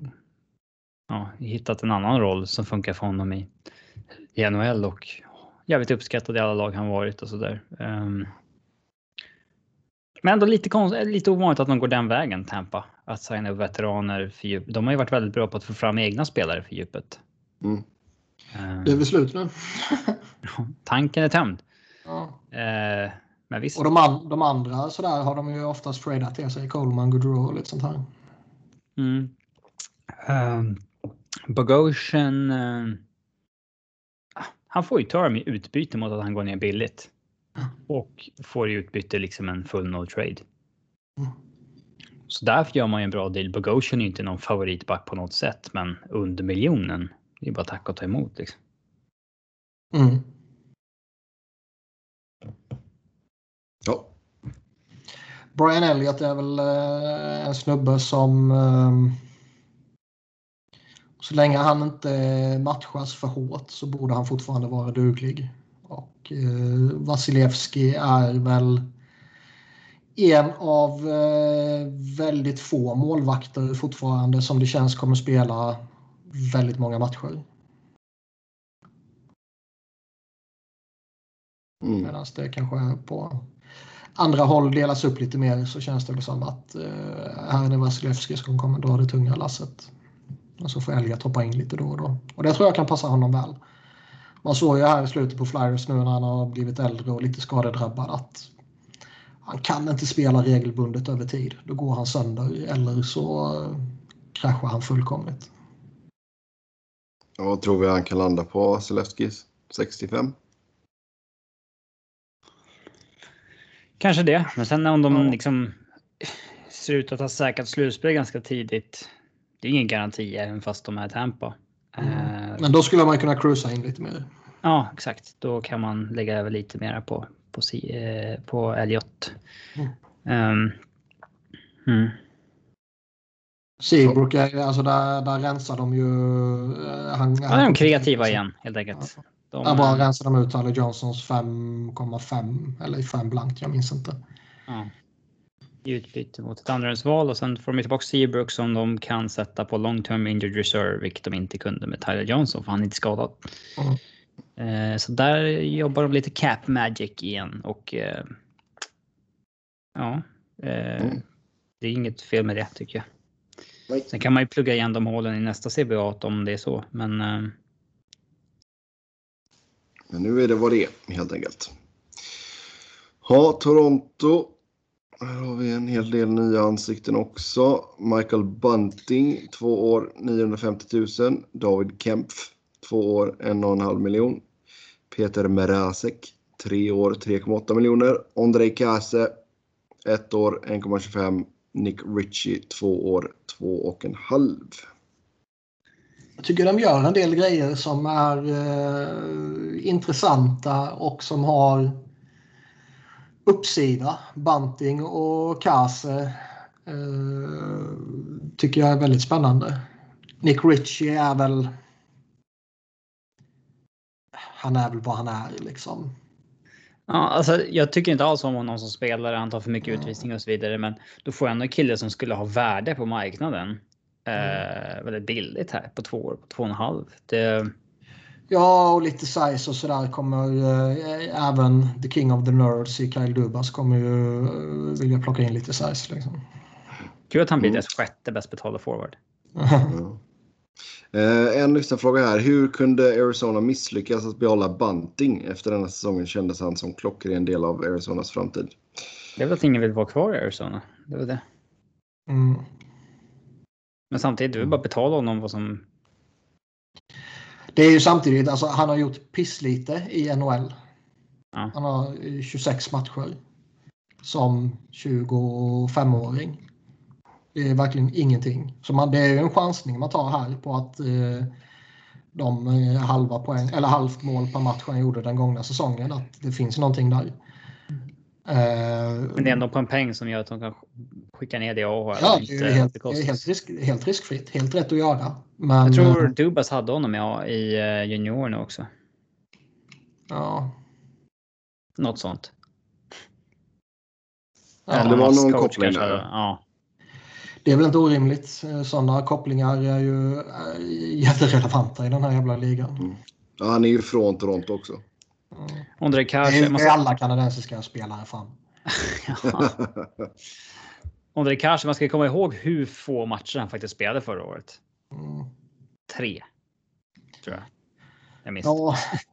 Och, eh, innan dess var ju han lite av en sån här analytics darling också. Att det kanske fanns ja. någonting större i honom. Men han har fan miss, alltså han har spelat otroligt lite hockey senaste åren. Mm. Så, alltså, Det är en spännande chansning. Den är också helt riskfri. Ett billigt år liksom. Ja. Eh, träffar man rätt där så kan det finnas jättefynd potential i honom. Och funkar det inte så då rycker du på axlarna och dumpar ner honom i AHL och så slipper du majoriteten av lönekostnaderna. Mm. Men ja, jag tycker Toronto gör ett bra jobb med det de har att röra sig med. Jag är lite skeptisk till Mrazek. Ja, nej. Men sen, sen samtidigt tittar man på vad som fanns. Bernier kanske inte ville tillbaka. Fredrik Andersen gick man väl bort ifrån då. Och... De signade för mer än Mrazek dessutom. Ja. Det är otroligt egentligen. Mm. Men man är alltså... Ja. Alltså Mrazek Campbell är ju inget par som... Alltså per automatik signalerar att eh, allting kommer gå bra. Mm. Eh, ska väl också säga att man ger ett PTO till eh, Joshua Hosang. Jävlar vilken grej det blev. Mm. Det är bara för att det var Toronto. Ja, men, ja, det var en lista på 20 spelare de hade gett ett PTO till. Det var bara Hosang som värsta sig grej typ. Mm. Men nej, alltså vad fan. Signar Toronto en jävla AHL-spelare så blir det en jätteuppståndelse på Twitter i en ja, timme. Ja, det är helt otroligt. Och det, det är kul att många av de här ja, analytics-folket och sånt där som så ja, det är på tiden att eh, Hosang fick en till chans. Typ så här. Alltså snubben har ju. Han har slutat protestera i AHL. Han stack över till Sverige, fick sparken efter fem matcher i Örebro. Och sen spelade han fyra matcher med Linköping. Alltså. Att han ska komma. Eh, att han ska liksom ta sig in i NHL härifrån ny, alltså, nej. Ja, alltså han har. Han har. Han har bränt sina chanser. Han har haft chanser. Liksom, det är inget. Det är inget konstigt med det. Han har jag. verkligen haft chans. Jag tycker han fick ju inte chansen i Islanders. Nej, men han gav sig samtidigt inte. Han har ändå spelat 50 NHL-matcher. Det, får, det har han gjort. Och, ja, det fanns ju några, för några år sedan när vi snackade om att han var på waivers och lag borde vara sugna på att prova och sådär. Men alltså kommer man till Sverige och får sparken efter fem matcher i Örebro.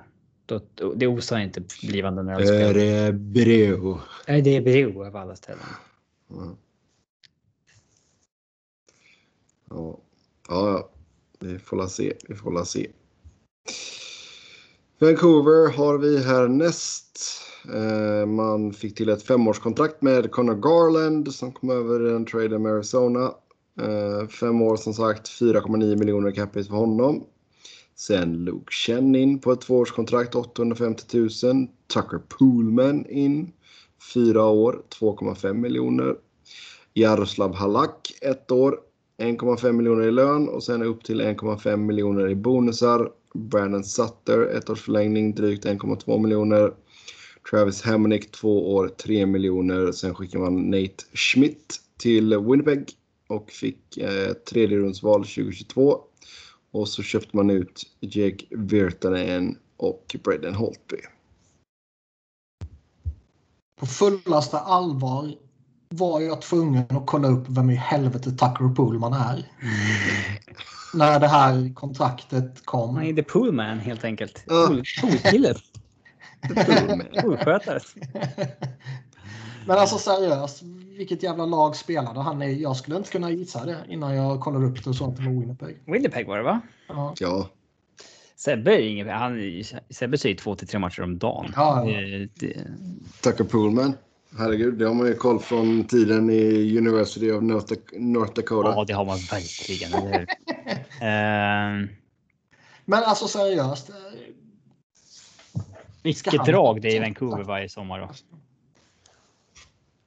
Där vilket? Vilket drag det är i Vancouver varje sommar. De har ingen långsiktig plan utan det är verkligen wing it varje sommar alltså. Ja.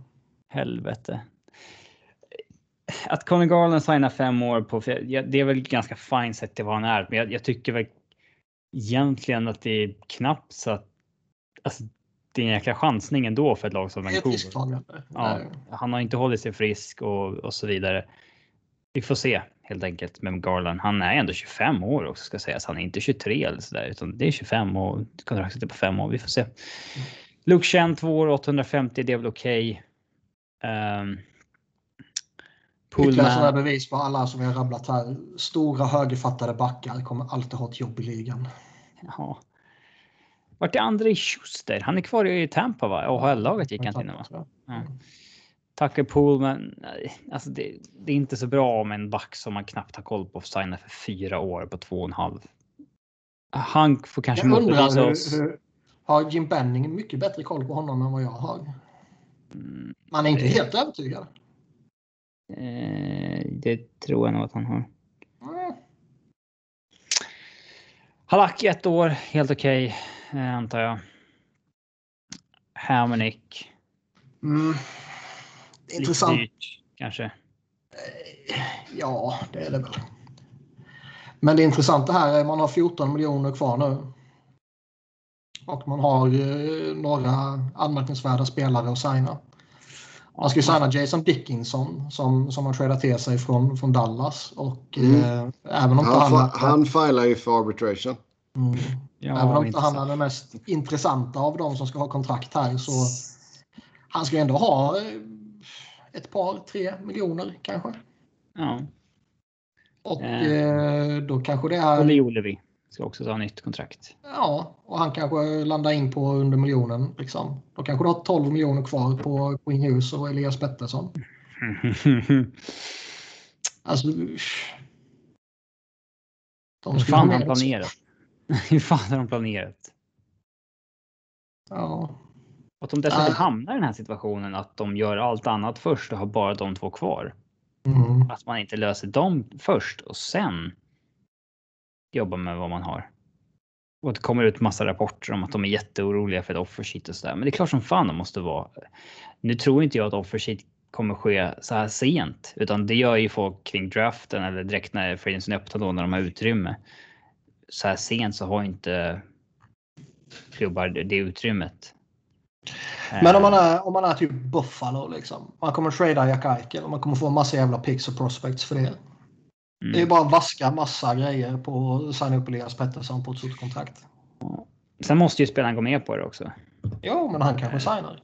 Sen har ja. han redan varit Buffalo i två veckor tidigare under JVM och vet hur jävla pissig stad det är. Men... Uh, Man undrar ju hur... Uh, Iceman borde ju vara sugen på en Elias Pettersson. Mm. Seattle, de kan man ju också tänka sig att uh, det är oklart för deras plan är som vi sa. Mm. Uh, de... Ja, det vore ju schysst att, gå in och plocka kanske sin största konkurrents uh, superstjärna det första man gör. Båda två. det är svårt att göra båda två. Queen Hughes är ju inte offersheet uh, eligible. Nej. Vad jag läst någonstans. Men... Eh, jag är mm. Och liksom, ja nej. Tidigare hade de ju massa sådana här eh, spelare som eh, man kanske kunde dumpa iväg för att skapa sig lite löneutrymme. Men alla de slängde de in i Arizona-traden. Ja. Så de har, ju inte, de har ju inte jättemånga sådana kvar nu alltså. Nej, nu har de gjort sig av med alla. Alla. De har signat några nya dåliga kontrakt såklart, ja. men eh, de gamla. Nu kanske i och för sig Michael Furland kanske man kan räkna bort där. Jag får mig han uttalar sig nu förresten att han eh, eh, att han nog har gjort sitt efter sina huvudskador. Så då försvinner väl 3,5 miljoner där. Men ändå. Det är lite tajt alltså. Mm. Oh, ja. Det är inte så kul heller att liksom tvingas gå på en bridge på någon av dem när man vill signa long term. Mm. Du vill ju bara ta en bridge om laget är competitive nu och du vill liksom få in en till bra spelare. Är du liksom ett dåligt lag som Vancouver är. Sen, sen vad, vad deras självbild är, det vet vi inte. Men deras självbild är nog, eh, skiljer sig nog radikalt från ja. våra bilder. ja, det är det väl. Mm. Ja, eh, vidare till Vegas. Alltså, mm. Eh, treårsförlängning med Alec Martinez, 5,25 miljoner. Sen kommer Laurent Brozois in som ny backup. Två år, drygt 2,3 miljoner. Mattias Janmark, ett år, 2 miljoner förlängning där. Man skickade då Flurry till Chicago, man skickade Holden till Ottawa för Dadonov. Och sen skickade man Reeves till Rangers. Och Rosoir var den där andra målvakten jag mumlade om som jag inte kom på när vi pratade eventuella backups till Flyers. Men ja. att man väljer Vegas över Flyers, det kanske man kan förstå. Mm. Martinez är ju bra och användbar fortfarande. Eh, lite, lite, i överkant både i pengar och term ja. dock för en 34-årig eh, defensiv back. Verkligen.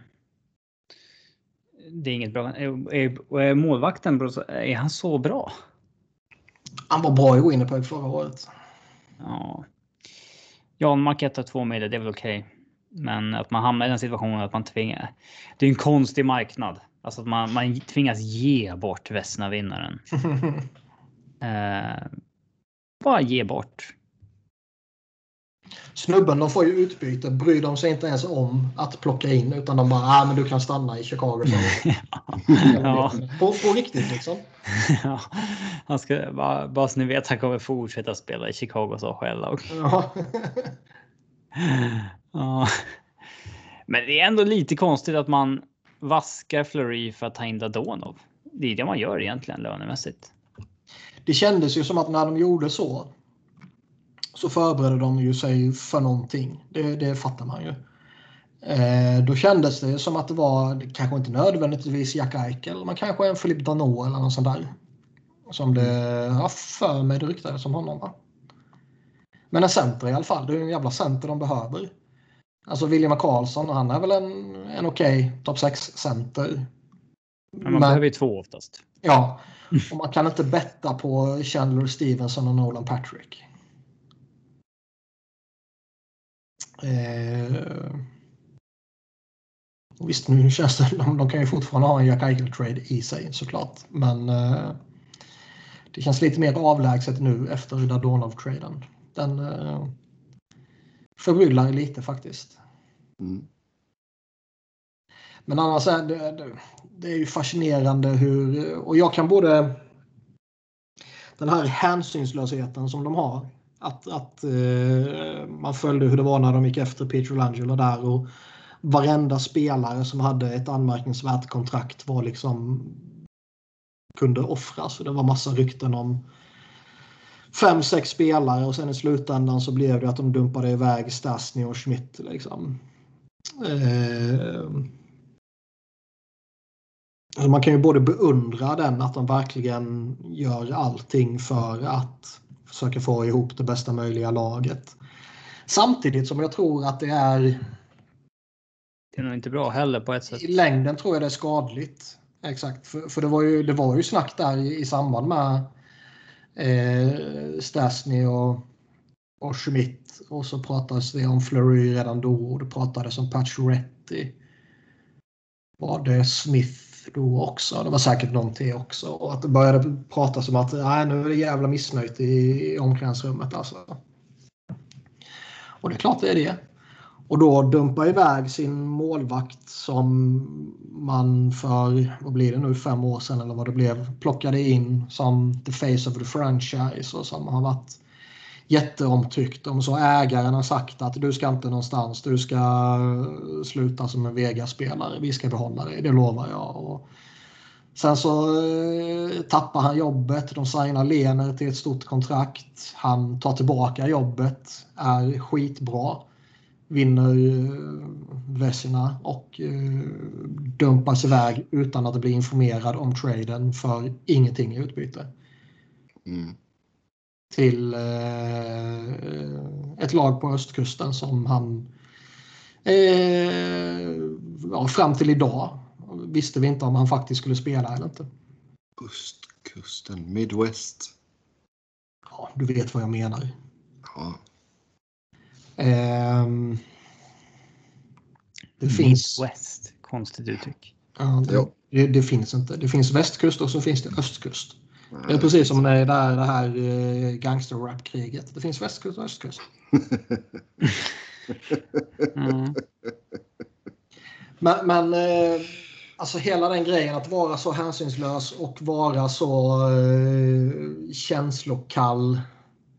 Jag tror inte det är bra alltså. Det kommer göra att spelare kommer få en bild av dig som att eh, ska man dit och signa då ska det vara klausuler och grejer. Liksom. Och ska man skriva på en kontraktsförlängning då ska det vara klausuler. Och så slutar det kanske med att man då sitter där med eh, mer eller mindre varenda du spelare på massa klausuler. Och så har man ingen wiggle room att göra någonting i slutändan. Eh, jag tror sällan det är bra att skapa sån oro i spelartruppen och sprida det ryktet omkring sig i ligan. Ja, Nej, det, det om de fortsätter ha det ryktet, hur länge till kommer det fortfarande vara så att alla liksom free agents vill spela i Vegas? Mm. Alltså får du dina klausuler så är det väl en grej. Men, ja, peng, pengar, klausuler och framgång för laget kan ju motverka många problem såklart. Men ja man kommer ju till ett läge så småningom där saker inte fungerar. Eh, de har ju lagt sig på en fullkomligt orimligt hög nivå här de här åren och eh, plötsligt så kanske de slirar till och så får de lite eh, två säsonger med dåligt målvaktsspel av Lener och så är det kanske någon skada på eh, någon nyckelspelare sådär Stone eller Peter Landry eller någonting också plötsligt ser det inte så bra ut längre. Nej. Vilka har man kvar nu från uh, The Misfits? McNabb tog man va? Ja. Karlsson. Marchessault. En del var ju sådana som man fick liksom i trade för att ta en annan spelare och sånt där. Mm. Uh, men, uh, Ska, det vara en, ska vi köra en spontan pingpong på det? Vegas det Graphics. Asmånga. Vi kan ta det nästa avsnitt. Ja, du. Hinner plugga också. ja, exakt. yes. Uh, vi går till eh, Washington. Det ska ju sägas att Vegas ja, okay. har ju fortfarande absolut noll cap space och uh, behöver ju fortfarande signa Nolan Patrick. Mm. Och inte för att han kommer bli dyr. Det kommer ju bli miljonen eller någonting. Men eh, det är ändå liksom 12 forwards, 6 backar, 2 målvakter nu. Noll utrymme. Mm. De skulle ju, alltså det är ju därför det där lite, Dadonov-traden är lite eh, konstig så. Mm. De, kan, de kan inte gå igenom en ny säsong, en 82 matchers säsong där man kommer behöva spela matcher utan fullt lag. Nej. För att man är så jävla tajt mot lönetaket. Det kan man ju inte göra. Eller? Eller? Alltså, Okej okay, okay, att man får göra det någon gång här och där för att saker händer och det var speciella omständigheter med eh, coronasäsong och sånt där. Men... Eh, det är väl knappt okej okay, det. Måste väl alltid kunna ha utrymme att fylla på med. Nej, men ibland, jag menar, ibland kan det ju hända liksom och du, du hamnar i ett läge där Eh, fan, du kan vara på en jävla bortaturné. Du hinner inte flyga in någon snubbe. Liksom. Okej, okay, du får spela med 11 forwards. Shit happens. Men eh, man ska inte vara i en sån situation i normala fall.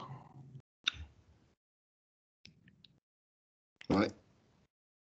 Får vi se. Någon, någon spelare får väl bli skadad helt enkelt. oh. Ja, Washington, där fick vi en femårsförlängning med Alexander Ovechkin, 9,5 miljoner capita. Sen eh, skickade man Brendan Dillon till Winnipeg i utbyte mot ett andrarumsval 2022 och ett andrarumsval 2023. Och sen då Vitek Vanecek tillbaka och där skickar man ett andrarumsval 2023 till Seattle. Ja. Um...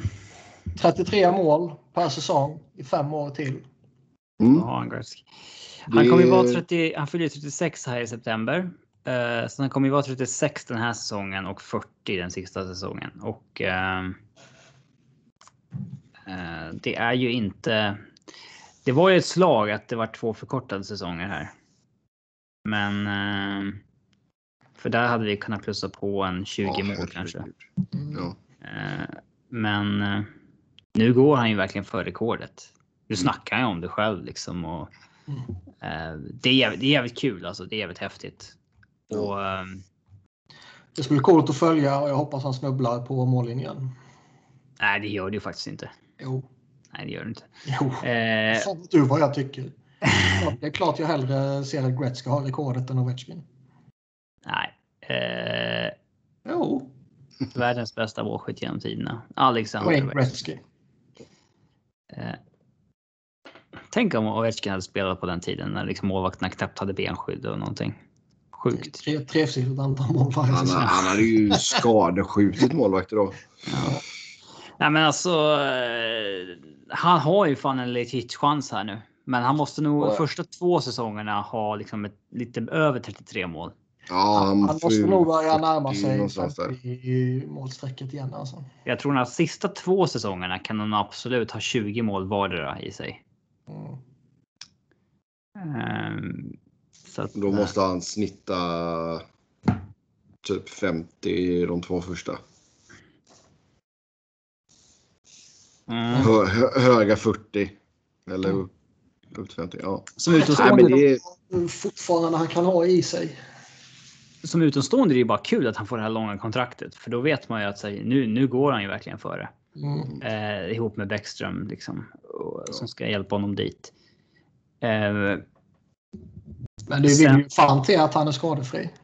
Ja, ja. Det måste... det, alltså, han, har, han har ju varit jävla i mig förskonad av skador hela karriären med tanke på hur jävla vårdslös han faktiskt var i början på sin karriär mot sig själv. Mm.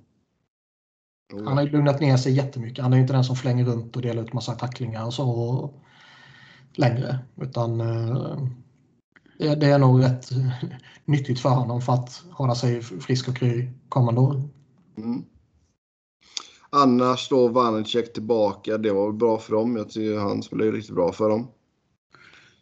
Ja, samtidigt konstigt att han är värd så mycket som ett andra rundsval, men whatever. Visst. Mm. Uh, han är ju fortfarande inte såld på deras målvaktsuppsättning. Nej, verkligen inte. Och, um, men liksom ur ett Ovechkin rekordperspektiv, då, då är det nästan kanske bara bra om de inte går till slutspel nu och att han inte sliter ut sig där utan att han får liksom spara sig till grundserierna. Mm. Uh, och visst, angående Ovechkin också så det är kanske inte rimligt med ett femårskontrakt till en 36-åring, men. En jävla speciell 36-åring. Ja, det är liksom som vi sa världens bästa målskytt genom tiderna och. Näst bästa kanske. Sen deras fönster dör ju med Ovechkin också. Det är inte så att det här mm. kontraktet med han och Bäckström kommer halta nästa generation ledd av Daniel Sprong. Liksom.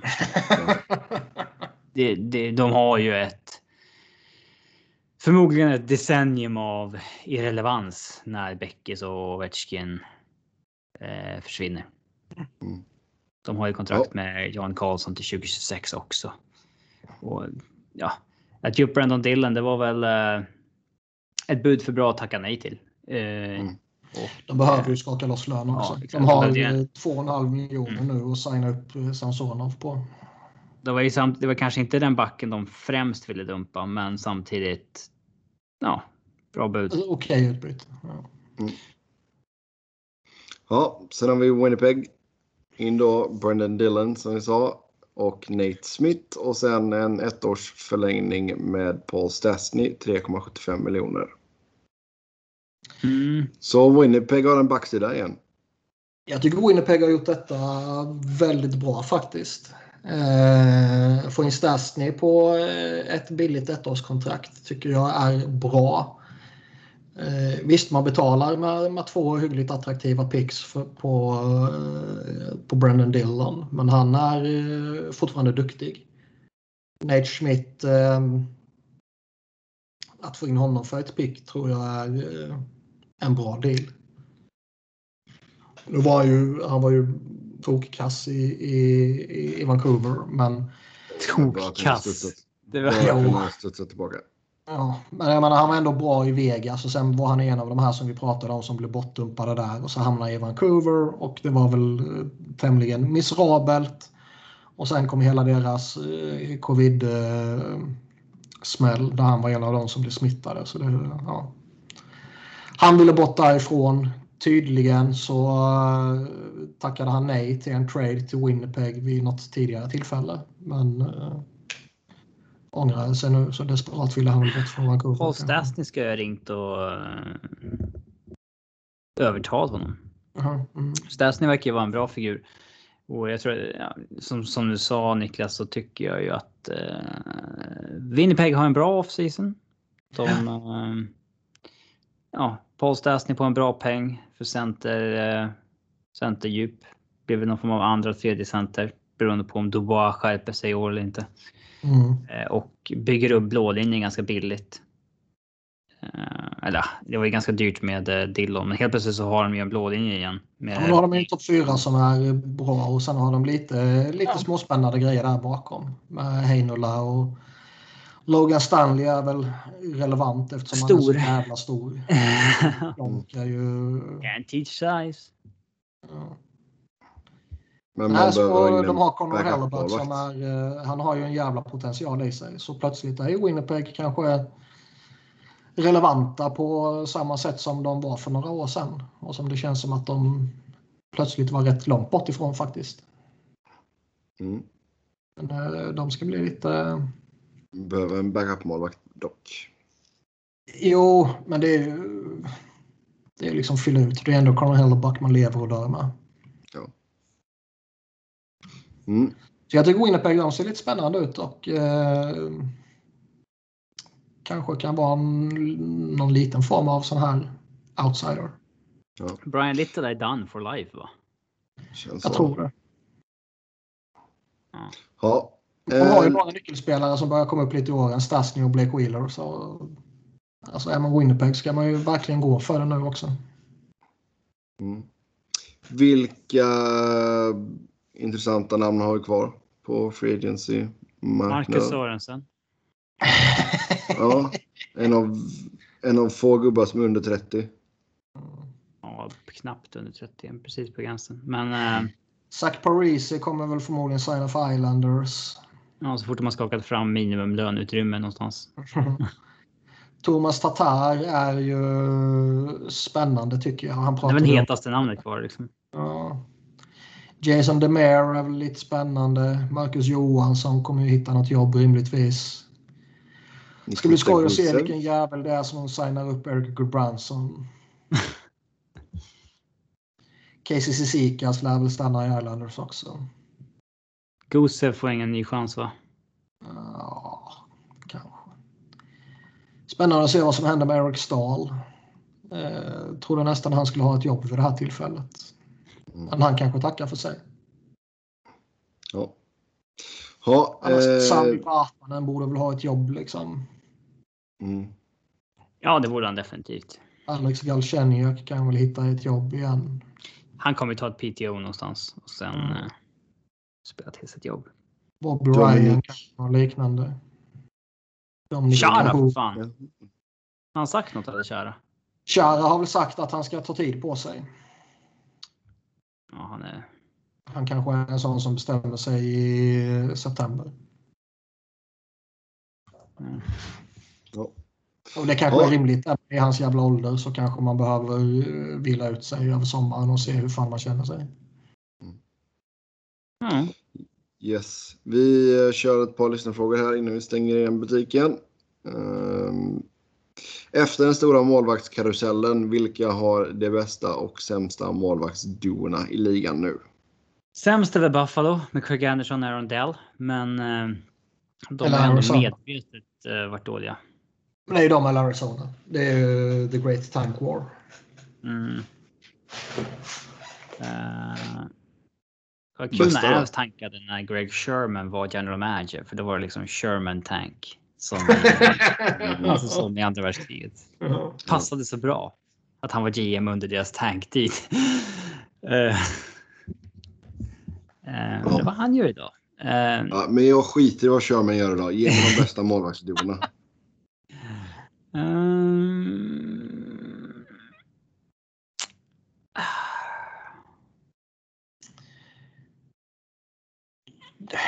Det finns ju en potential i Seattle på målvaktssidan. Ja, Grova och Trigger, det är väl det. Fast alltså, det är sån jävla crapshoot med målvakter. Alltså, mm. Det kan verkligen vara. Alltså skulle Boston ha Ullmark Rask. Mm. Då är väl det rätt bra. Sen så behöver det ju inte vara dåligt heller egentligen med Bobrovski Knight. Det kan bli svinbra. Chicago skulle ju kunna vara jättebra. Ja. Lankin Flurry. Ja, det kan ju också tokfloppa. Liksom det, Uh, Avs målvaktsbesättning, det kan ju vara liksom antingen bäst i ligan eller sämst i ligan också. Två 31-åringar med skadehistorik, men god. Flyers också. ja, verkligen. Um... Fan svårt att säga om, om just duo. Svårt mm. att säga. Alltså jag, jag tror inte laget som helhet kommer att gå jättebra, men jag tror inte så att Korpisalo och Merslikins är ganska bra. Vad är grejen med att Korpisalo har gått rykte egentligen? Ja, du. Han är ju pissusla siffror år efter år efter år. Du vet, en gång så spelade han en slutspelsmatch som höll på i tre dagar. Ja, det är det. Han hade ju förra säsongen hade han ju hyggliga siffror. Mm. Kanske på det mm. fokuseras på. Men han har alltid haft så här. Det är som att folk blandar ihop honom med Jussi Saros typ. typ. Same uh, shit different name. Uh, Rangers, Storken, uh, Georgia. Det kan mm. vara jättebra också. Ja. Har inte Georgia bett om en trade? Jo, jag har för mig det. Ja. Eh, sen är det någon som frågar ifall vi följer några YouTubers i hockeyn finns ju lite original där. Youtubers i hockey, vad menas med det? Alltså hockey-youtubers. typ, typ Steve, Steve, well, Steve Dangle. Typ. Vad betyder det? Alltså ja, hockey-youtubers? ja, men typ Dangle. Ja, men du menar inte liksom PK Subans vlogg? Utan... Nej, det tror jag inte. Jag känner bara till Steve Dangle. Ja. Jag känner inte till någon annan och eh, jag följer inte Dangle. Skulle det svepa förbi någonting i flödet så kanske man klickar på det. Men eh, jag söker inte aktivt upp honom eller eh, någon annan. Så. Eh, sen är det någon som tycker att Two and a half men glöms bort när det snackas de bästa amerikanska humorserierna. Någon som håller med? Frågetecken. John Cryer är fantastisk. Alltså... Two and a half men var briljant de första åren. Kanske första tre eller fyra åren. Jag kommer inte ihåg exakt. Jag tror man kan sträcka sig längre till första 7-8 åren till och med. Men sen. Eh, jag tror det är lite att överdriva lite. Men okej, okay, 5-6 kanske. Jag kommer inte ihåg. Exakt. Jag minns inte när Charlie försvinner eller när han är så alkoholiserad så man ser det i serien fullständigt. Mm. Men. Eh, samtidigt. Den serien har, den är inte så bred. Det är verkligen samma sak i varje avsnitt. eh, och, men visst, det, sådana enkla sitcoms kan vara väldigt trevliga ibland. Mina mm. toppar är ju liksom Spin City, Frasier, Seinfeld. Jag tycker inte liksom. Hade du frågat mig när jag var 17 så hade jag sagt Vänner som ohotad etta, men den, den är kvar topp 5 men inte. Det har inte åldrats bra. Alltså, jag tror vi har pratat om den tidigare, ja. men jag såg om den för några år sedan och det var ingenting. Eh, liksom, skulle man inte redan ha sett det och vuxit upp med det typ och eh, liksom upplevt det där och då så skulle man nog varit frågande till hur fan den kunde varit så jävla stor. Mm. Ha, har ni några sådana här guilty pleasure-serier eller? Jag har, ju uh... nött, jag har ju nött lite gränsbevakarna Australien här nu. Jag, jag gillade... Jävlar vad det är bra alltså. Eh, det fanns en serie som gick på TV12 eh, som hette när den översatte svenska hette den Kronofogden knackar på, men den hette Can't pay will take it away på eh, ja, engelska och brittiska så att säga. Ehm, ja, där de knackar på folk som inte har betalat räkningarna och kräver dem på pengar och vräker folk som inte har betalat hyror och så vidare. Ehm, det är en sån guilty pleasure-serie. Alltså, jag växte ju upp med Buffy the Vampire Slayer där, men tittar man om den idag så är det faktiskt en kanonserie. Den är alltså, inte så liksom tramsig som man tror. Man jag tittar ju inte på tv längre, alltså så tillvida att man, man tittar ju inte, alltså allt man tittar på streamar man ju numera. Alltså Netflix och HBO och allt vad det kan vara. Um, ja, men gränsbevakningen i Australien kan du streama på Discovery+. Plus. Ja, men det gör man ju inte på samma sätt. Det är en sån grej man kan fastna på eh, när man ligger och sappar på eh, kvällen. De, bara, de kör så här fyra, fem avsnitt på raken. Ja. Men man ligger ju inte och sappar längre. Nej, exakt. Det, det är det jag menar. Därför har man ju inte några sådana serier längre. Det gör man ju fortfarande i USA, eller hur Sebbe? Uh, inte lika övergått till streaming. Uh, det är nog ganska mycket streaming nu för tiden. Faktiskt. Och det, spontant känns det ju väldigt mycket generationsfråga. Ja. Mm. Alltså mos, morsan och farsan sitter ju fortfarande och zappar på kvällarna. Ja. Nu börjar Bingolotto. Men... Eh... ja, för fan. Så det var ju... Jag såg något sånt roligt klipp för ett tag sedan med Loket när han ringde hem till någon. och så var det Ja, och så var det mannen i hushållet som... Eh, det är inget nytt svarade. klipp där Sebbe. Nej, nej, alltså det är asgammalt. Det är en sån ja. riktig jävla klassiker verkligen. Han är fan är det du som ringer till min fru typ? ja. uh, uh, alltså, MASH är ju en av tidernas bästa serier någonsin. Den var en sån klassiker som rullade på Ja, men det är ju ingen guilty pleasure. Jag ah, tänker nej, mer som, som, för mig och Robin här. Att vi kollar på de här. Ja, ja, faktiskt. Men det var en sån här klassiker. Ja, det är om du skulle säga typ Gilmore Girls eller Sex and the City. Ja, jo, jag vet. Det blir lite guilty pleasure. Ja. Eller typ så här Desperate Housewives of Beverly Hills. Eller det är OC. Första avsnittet när Luke säger Welcome to the OC bitch till Ryan. Då ja. vet man att det här är en kanonserie. ja. Inte ens inspelat i Orange County. Det är ju som Eurotrip. Den är ju helt inspelad i Prag, hela filmen. Vilken fantastisk film det är. Ja. Scotty doesn't know that for your ja. me do it in my van every Sunday. Flyger, flugor, flagel. Mm. Ja, yes. Jag vet inte hur många gånger jag har sett den, men för fan vad fin den är. Ja. Med det så vi säger tack och jag för den här gången. Som vanligt så kan ni köta hockey med oss via Twitter. Mig hittar ni på Noren, Niklas på Niklas Wiber. Niklas med C, Wiber med enkel V, Robin på R underscore Fredriksson. Podden på SV Fans NHL-podd, podd med ett D. Så tills nästa gång, ha det gött. Hej!